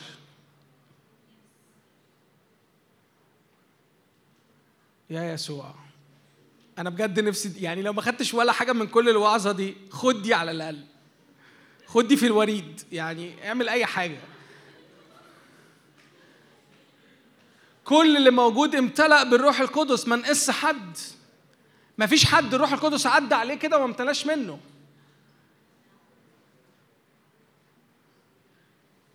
كل مرة في أرب الأعمال بيذكر أربع امتلاءات واضحة. كل مرة كان روح الرب بيجي كان بيملأ الكل. كل الحاضرين كانوا إيه؟ يعني ما تستثنيش نفسك أرجوك ما تقولش الكلام ده مش ليا. ما تقولش ده يمكن يعني هم خدام وممسوحين وحلوين وبتوع خدمة وبتوع Flames of Fire وأنا ماليش دعوة بالكلام ده كله. أنا واحد جابني هنا معايا النهارده قال لي تعالى فأنا جيت. الكل بيمتلئ الكل بيطلع منه مجاهرة الكل بيطلع منه ايات وعجائب الكل بيعلن فتى الرب القدوس بيعلن الابن في الوسط. الكل متصاحب وممتلئ بالروح والروح يمجد الابن. والروح ما يقدرش يعمل حاجة إلا كل ما أرسله الأب يفعله. بص خليني أتفق معاك على حاجة. سواء أنت ممتلئ بالروح القدس أو لأ. لو أنت ممتلئ أنا بشجعك إنك تجي لي أكتر. ما تقوليش أنا امتلأت في مؤتمر 92 فأنا خلصت. أرجوك. لأنه هو دي رحلة أنت بتمشيها مع الرب. ما تقوليش أنا من ست سبع سنين already بقيت بتكلم بألسنة. أنا السنة اللي فاتت صليت مع حد وخاف. please please please please دي رحلة وسكة. الرب عايز يملى الكل في الكل. ولو أنت النهارده جاي وبتقول أنا في الاجتماع ده ومش ممتلئ بالروح مش عارف يعني إيه حاجة اسمها الشخص الروح القدس. أنا بقول لك روح الرب الان في المكان وعايز يملى كل اللي في القاعة دي بروحه باسمه. الرب جابك لهذا الموضع لهذا المكان علشان يملاك باسمه بهويته بكينونته بطبيعته. تيجوا نقف نحتفل قدام الرب؟ أنا بتكلم بجد أنت محتاج دلوقتي ما تعملش أكتر من إنك تحتفل لأنه في عيد اسمه عيد الحصاد. في حاجة الرب عايز يعملها مالتيبليكيشن في حياتك في إظهار من قوته الحية اللي لازم تخرج منك. فتتحول إلى تلك الصورة عينها. الرب عايز يغير هيئتك عايز يغير طبيعتك. عايز تغير عايز يغير شكلك ال physical ال physical ملامح وشك. النور لازم يطبع على وشك.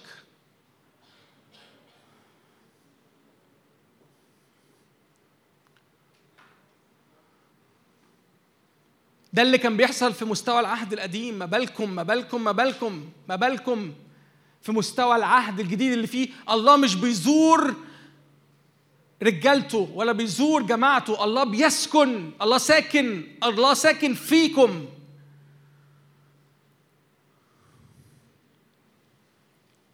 بقى بالأمارة مش وجهك بس اللي هيلمع ده المفروض كل حاجة تلمع. إيدك بقى باطك. رجلك. كله المفروض إيه؟ كله المفروض إيه؟ أنا بهزر معاكم بس عشان تفهموا عشان تفهموا إنه عايز كل حاجة فيك تلمع.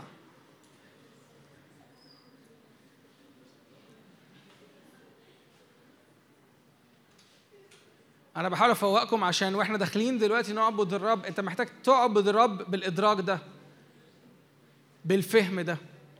امين؟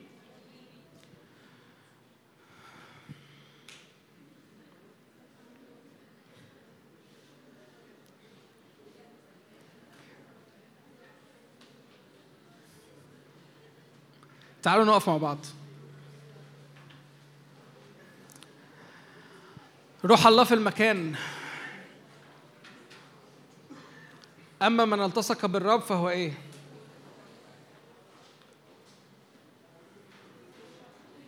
معلش أرجوك أقف معلش أنا عارف أنتوا مكسلين وتعبانين بس أنا بليز أنا أنا نفسي اللي هيحصل دلوقتي ما يبقاش اختياري.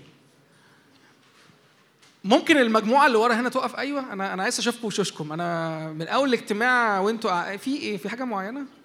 الربع اللي ورا ده بعافية حبة. ليه؟ في إيه؟ روح الرب مش معدي عندكم؟ معدي؟ طب تمام ما نقف مع بعض. أيوه كده. طيب أنا عايزك تشعر بحرية في المكان فبليز إحنا يمكن ما قدمناش وقت كتير لكن أنا فعلا برجوك إنك تكون مصر إنك تلتصق في اللحظات اللي جاية دي وتدوق الأعماق اللي الرب عايز يفتحها ليك. في روحك وفي نفسك وفي جسدك. هللويا هللويا هللويا. الكلمة بتقول كده إنه لا تحزنوا الروح ولا تطفئوا الروح. هللويا هللويا هللويا هللويا هللويا. يعني ما تتعاملش مع قوة تانية تطفئ الروح وما تخرجش حاجة من الكاركتر بتاعتك تحزن الروح. هللويا. قول له يا رب أنا بحبك جدا. قول له أنا بحبك جدا يا روح الله. أنا لا أريد أن أحزنك ولا أريد أن أطفيك. هللويا. بل أريدك أن تشتعل فيا بنار. هللويا.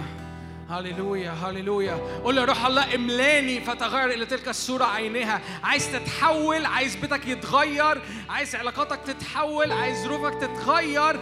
امتلئ بالرب. هللويا هللويا هللويا. ولو انت بالفعل شخص ليك علاقة مع الروح القدس قول له يا روح الله تعالى املى وعمد كل حتة مش متعمدة وكل حتة مش مليانة فيا. إيه هب يا روح الله من الجهات الأربع. قول له هب يا روح الله عليا من الجهات الأربع اسكن فيا. أكون مكان سكنة أكون مكان راحة.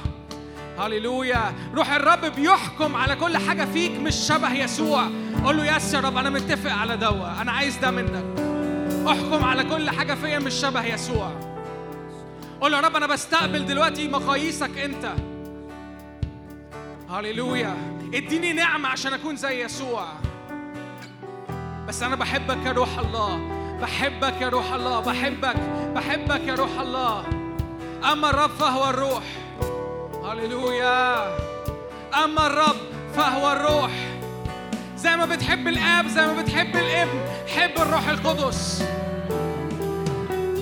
هللويا. هللويا. هللويا.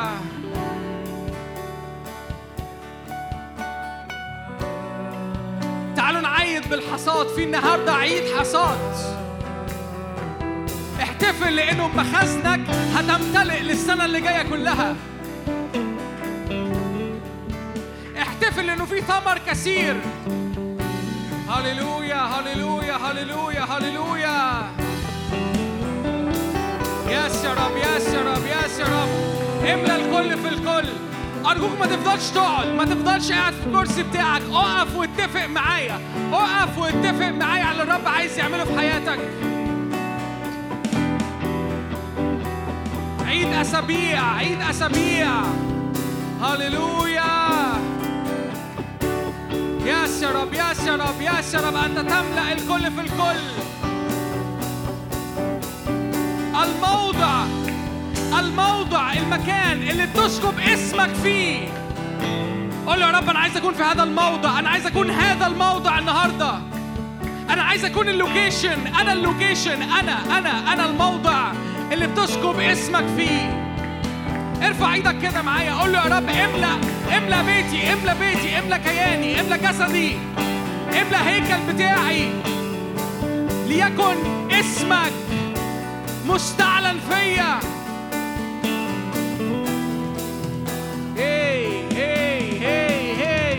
هي في اللحظات دي قول له يا روح الله انطق فيا بأنات لا ينطق بها. اتكلم على لساني فأتنبأ. اتكلم على لساني فأقول لسان السماء أقول أخبار السماء. قول له يا رب أنا مش بعرف أمجد يسوع يا روح الله علمني أمجد يسوع. لأن أنت اللي بتمجد يسوع.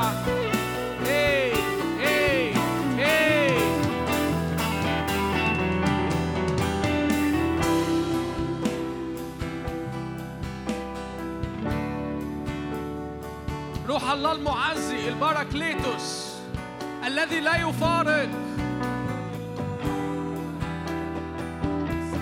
يعزيكم ويأتي آخر هو يعزيكم. هي هي يا بختك يا بختك يا بختك لأنك في علاقة مع الروح القدس مع شخص الروح القدس الروح المعزي الباراكليتوس.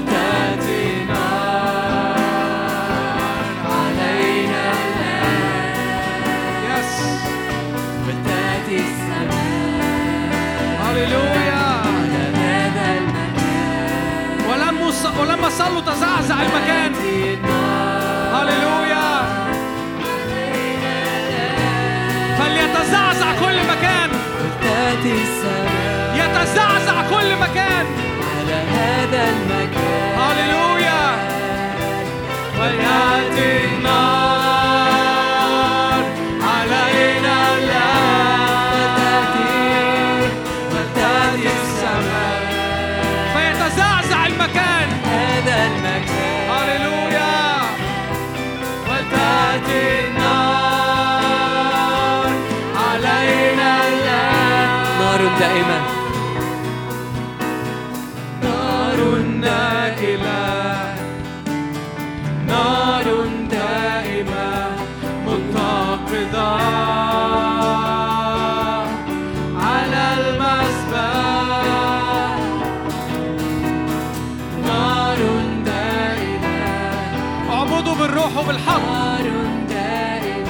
هللويا على المذبح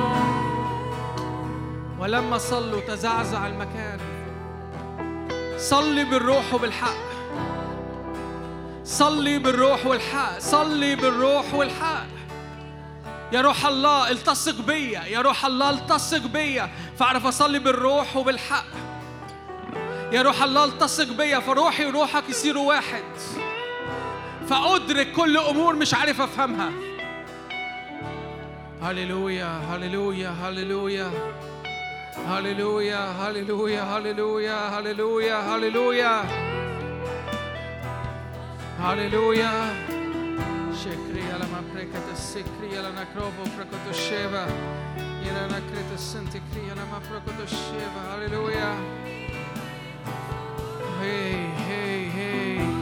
سماوات مفتوحة في سماوات مفتوحة فوقينا. هللويا. يا ليتك تشق السماوات وتنزل. هللويا.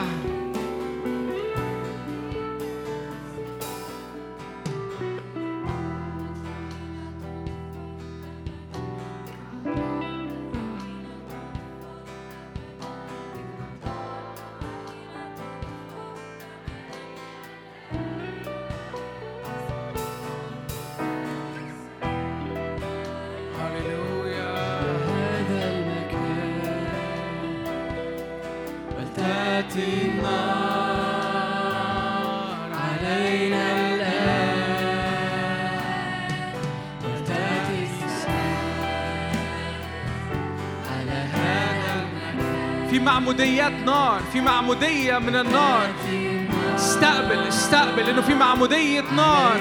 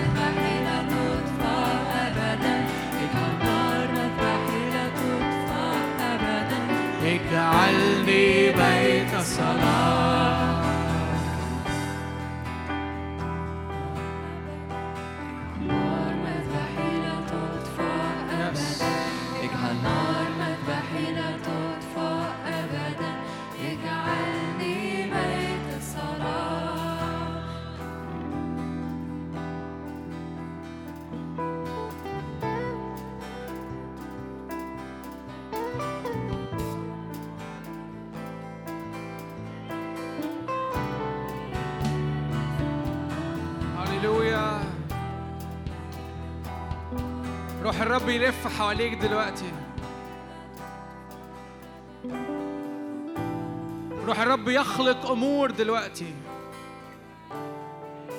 حتى لو أنت شايف الأرض بتاعتك خاربة وخالية روح الرب يرف روح الرب يرف وبيقول ليكن نور ليكن نور ليكن نور ليكن نور ليكن نور ليكن نور. الرب بيخلق الرب بيخلق الرب بيخلق. استقبل لأنه في خليقة الرب بيخلقها. ليكن نور. روح الرب يرف على وجه المياه. هللويا. على كل أرض خربه وخاليه على كل مكان خرب وخالي. الرب بيخلق. هللويا. هللويا. هللويا. يستطيع كل شيء. قول له كده يا رب أنا عارف إنك تستطيع إنك تخلق في هذا المكان موضع لمجد اسمك. هي. هي. هي. هي. مجاهرة. لتكن الخليقة اللي خارجة منك مجاهرة. مجاهرة قدام عدو الخير. مجاهرة قدام الظروف مجاهرة قدام البيت مجاهرة قدام العلاقات الفاشلة مجاهرة قدام نفسك مجاهرة قدام كل فشل وإحباط ويأس. جاهر بالرب اللي فيك جاهر بالخليقة اللي خارجة منك. جاهر قدام الاكتئاب جاهر بالرب اللي فيك. جاهر بالخليقة جاهر بالخليقة جاهر بيها. ارفع النقاب ارفع النقاب عن كل لمعان بيحصل. ما تخبيش اللمعان اللي الرب بيعمله. ما تخبيش اللمعان اللي الرب بيعمله في حياتك. هي هي هي هي. عروس مجيدة مشرفة. هللويا. مرهبة كجيش بألوية.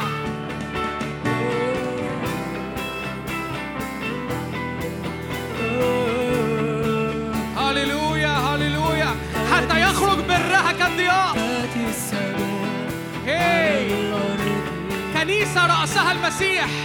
يأتي ملكوتك ملكوتك على الأرض. ولتأتي السماء ولتأتي السماء على الأرض. وليأتي ملكوتك ملكوتك على الأرض. ولتأتي السماء. على الأرض. عيد الحصاد. يأتي ملكوتك فليفرح بنيك وبناتك. على الأرض كل لاوي في بيتك. ولتأتي كل السماء أرملة كل يتيم. هللويا. أرضك تفرح بيتك يفرح. يأتي ملكوتك ملكوتك على الأرض. تشق السماوات وتنزل. تشق السماوات افرح بالرب افرح افرح بالرب. تشق السماوات موجة فرح موجة فرح موجة ضحك.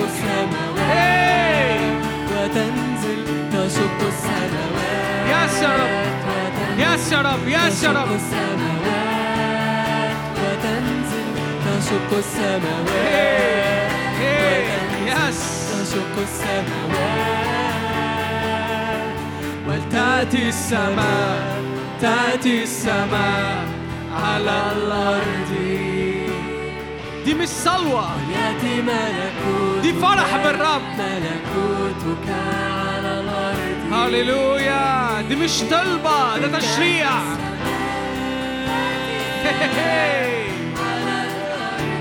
يمتلئ فمك ضحكا لأن السماء بتيجي على أرضك دلوقتي.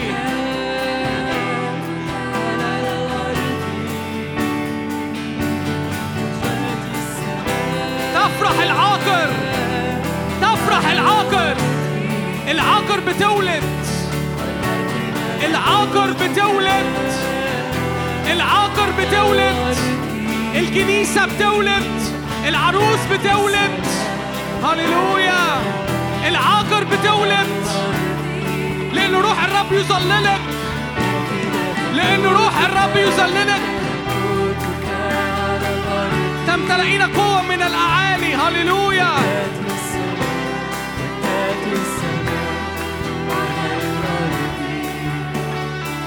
العذراء بتلد وتحبل. العاقر بتفرح. هللويا هللويا هللويا يس يس هللويا وليأتي ملكوتك ملكوتك على الأرض هللويا ها هي العذراء تلد. ها هي العذراء تلد. ها هي العذراء تلد لأنه في قوة تظللك لأنه قوة الروح القدس تظللك. هللويا. العاقر تفرح. هللويا هللويا هللويا.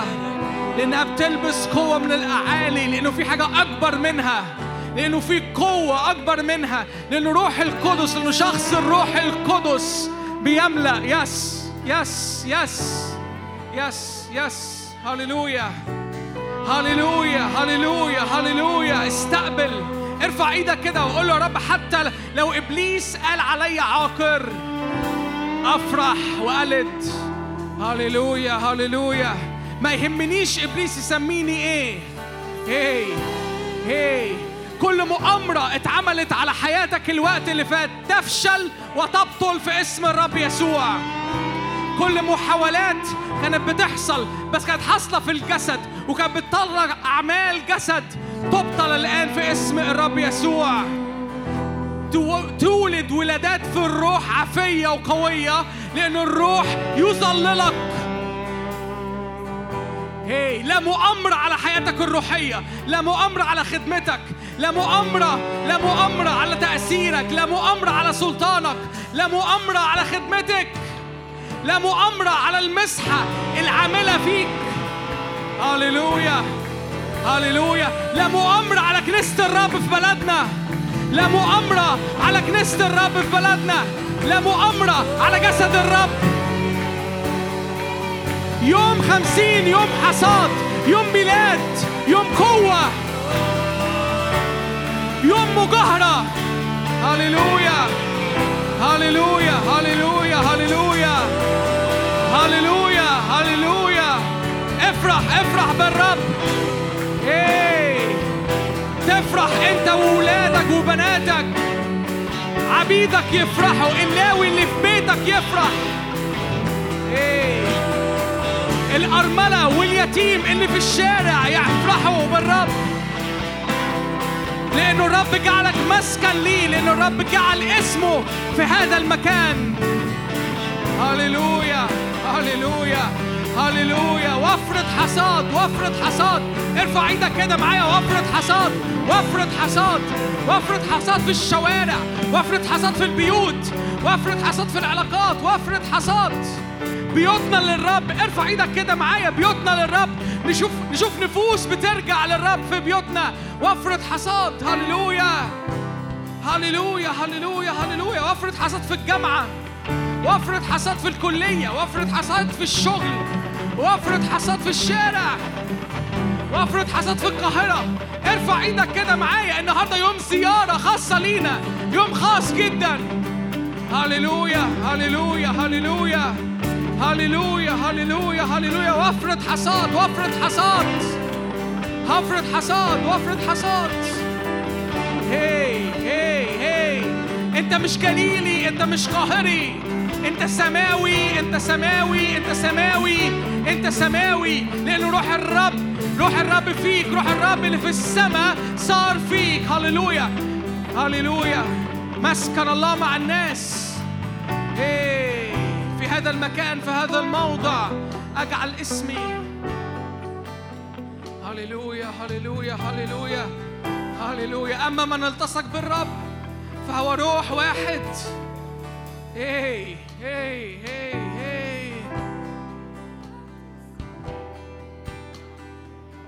شعر قوي إن الروح القدس جاي دلوقتي بنقلة تانية. محتاج ترفع إيدك كده معايا. هو بيديك ذهب سماوي بيديك وفرة سماوية بيديك كل مخازن السماء عشان تتجمل وتتجملي كعروس للمسيح. هللويا هللويا هللويا هللويا هللويا. استقبل في زينة مقدسة. في شكل مقدس. الروح القدس عمال يديك وفرة خزائن السماء عشان تتجمل وتتزين حسب العروس. كما يليق بالعروس. هللويا هللويا. اسمع كده في ريستوريشن في كلمات استرداد على شكلك الخارجي. إبليس يمكن عيرك بشكلك. قال لك انت تخين انت رفيع انت سمرة انت بيضة انت شعرك عامل إزاي؟ انت مش هترتبط عشان مناخيرك ولا عشان في امور ابليس ربط شكلك بيها. هللويا. هللويا. روح الرب دلوقتي بيديكي زينة مقدسة. روح الرب دلوقتي بيزينك بيزينك من بره ومن جوه مش بس من جوه. هللويا. هللويا. في رداء مقدس الرب بيجعله للمقدسين. هللويا. هللويا هللويا هللويا هللويا. هللويا هللويا هللويا. هللويا هللويا هللويا. هللويا. اليعازر الدمشقي خد الذهب بتاع إبراهيم واداه للعروسة عشان تتزين. هللويا. هللويا هللويا هللويا. هللويا. اليعازر العبد خد كل الذهب بتاع سيده إبراهيم. هللويا. واداه للعروسه عشان تلبسه وتتجهز للعريس. هللويا هللويا هللويا هللويا. العروس محتاجة تتزين بالروح القدس. العروس محتاجة تتزين وتستقبل زينة بابا الآب بركة بابا الآب اللي جاية لها من الروح القدس من اليعازر الدمشقي. يس yes yes yes yes yes yes yes yes استقبل استقبل انه في زينة. استقبل انه في زينة مقدسة. استقبل انه في زينة مقدسة. هللويا هللويا هللويا yes يا رب yes يا رب yes يا رب yes يا رب yes يا رب يس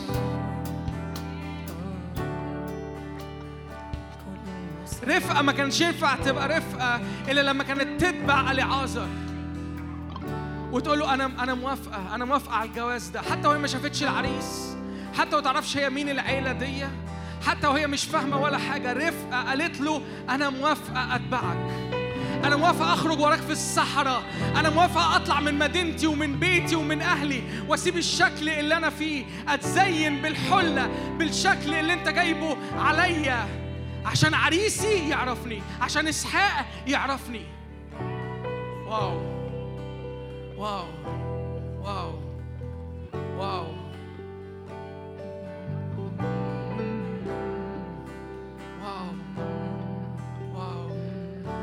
يا رب النهارده ادينا قلب رفقة.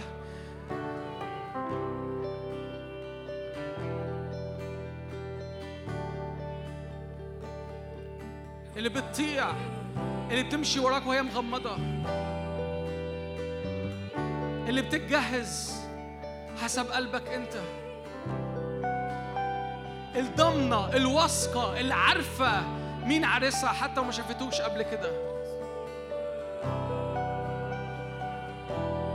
وإحنا يا رب شفناك. إحنا عروسة شافتك. إحنا عروسة شافتك بالروح القدس. حضرنا يا رب وجهزنا. حضرنا وجهزنا للعرس. حضرنا وجهزنا للالتصاق بيك. هي. ما تخليش في قلبنا غلاظة. يا روح الله احكم على كل غلاظة فينا. احكم على كل تقل فينا. احكم على كل بعد فينا. احكم على كل الأنا اللي فينا. يا روح الله احكم. عدينا في نار. عدينا في نارك. فنبرأ فتبرأ أراضينا. صفينا بنار يا روح الله.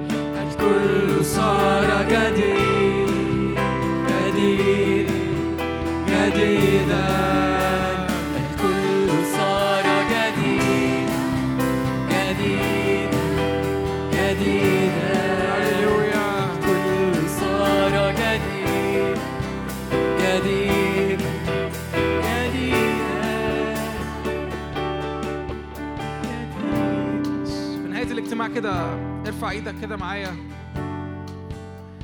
كل أمر الرب أطلقه النهارده. كل إعلان كل مقابلة كل تغير كل تحول كل تشكيل حصل. كل مقابلة مع شخص الروح القدس. هللويا. الكنيسة كانت بتحتفل في التقليد بتاعها بتحتفل أسبوع بالكامل على فكرة بالعيد ده. تيجوا نعلن كده إنه هذا أسبوع مليان احتفال بروح الرب. تيجوا نعلن كده إنه أسبوع سبع أيام مليانة احتفال. يوم ورا التاني مقابلات إعلانات تحول إلى تلك الصورة عينها تشكيل داخلي وخارجي. الرب بيخرج جيش مرهب جدا. هللويا هللويا هللويا. لا شيء يرجع إلى الوراء في اسم الرب يسوع. لا مؤامرة على حياتك في اسم الرب يسوع. كل أمر أعده عدو الخير ليك يفشل عدو الخير فيه في اسم الرب يسوع. كل مؤامرة على شغلك تفشل. كل مؤامرة على ارتباطك تفشل. كل مؤامرة على روحك على نفسك تفشل في اسم الرب يسوع. كل مؤامرة على ذهنك تفشل في اسم الرب يسوع. هللويا هللويا هللويا. بنحبك جدا يا روح الله. بنحبك جدا يا روح الله. بنباركك في وسطينا. بنبارك عملك في وسطينا. هللويا هللويا هللويا. واو يا رب واو يا رب واو يا رب. الذي أنت صانعه في وسطينا اللي أنت عامله في وسطينا رهيب جدا. رهيب جدا رهيب جدا رهيب جدا. مبارك اسمك من الآن وإلى الأبد. آمين.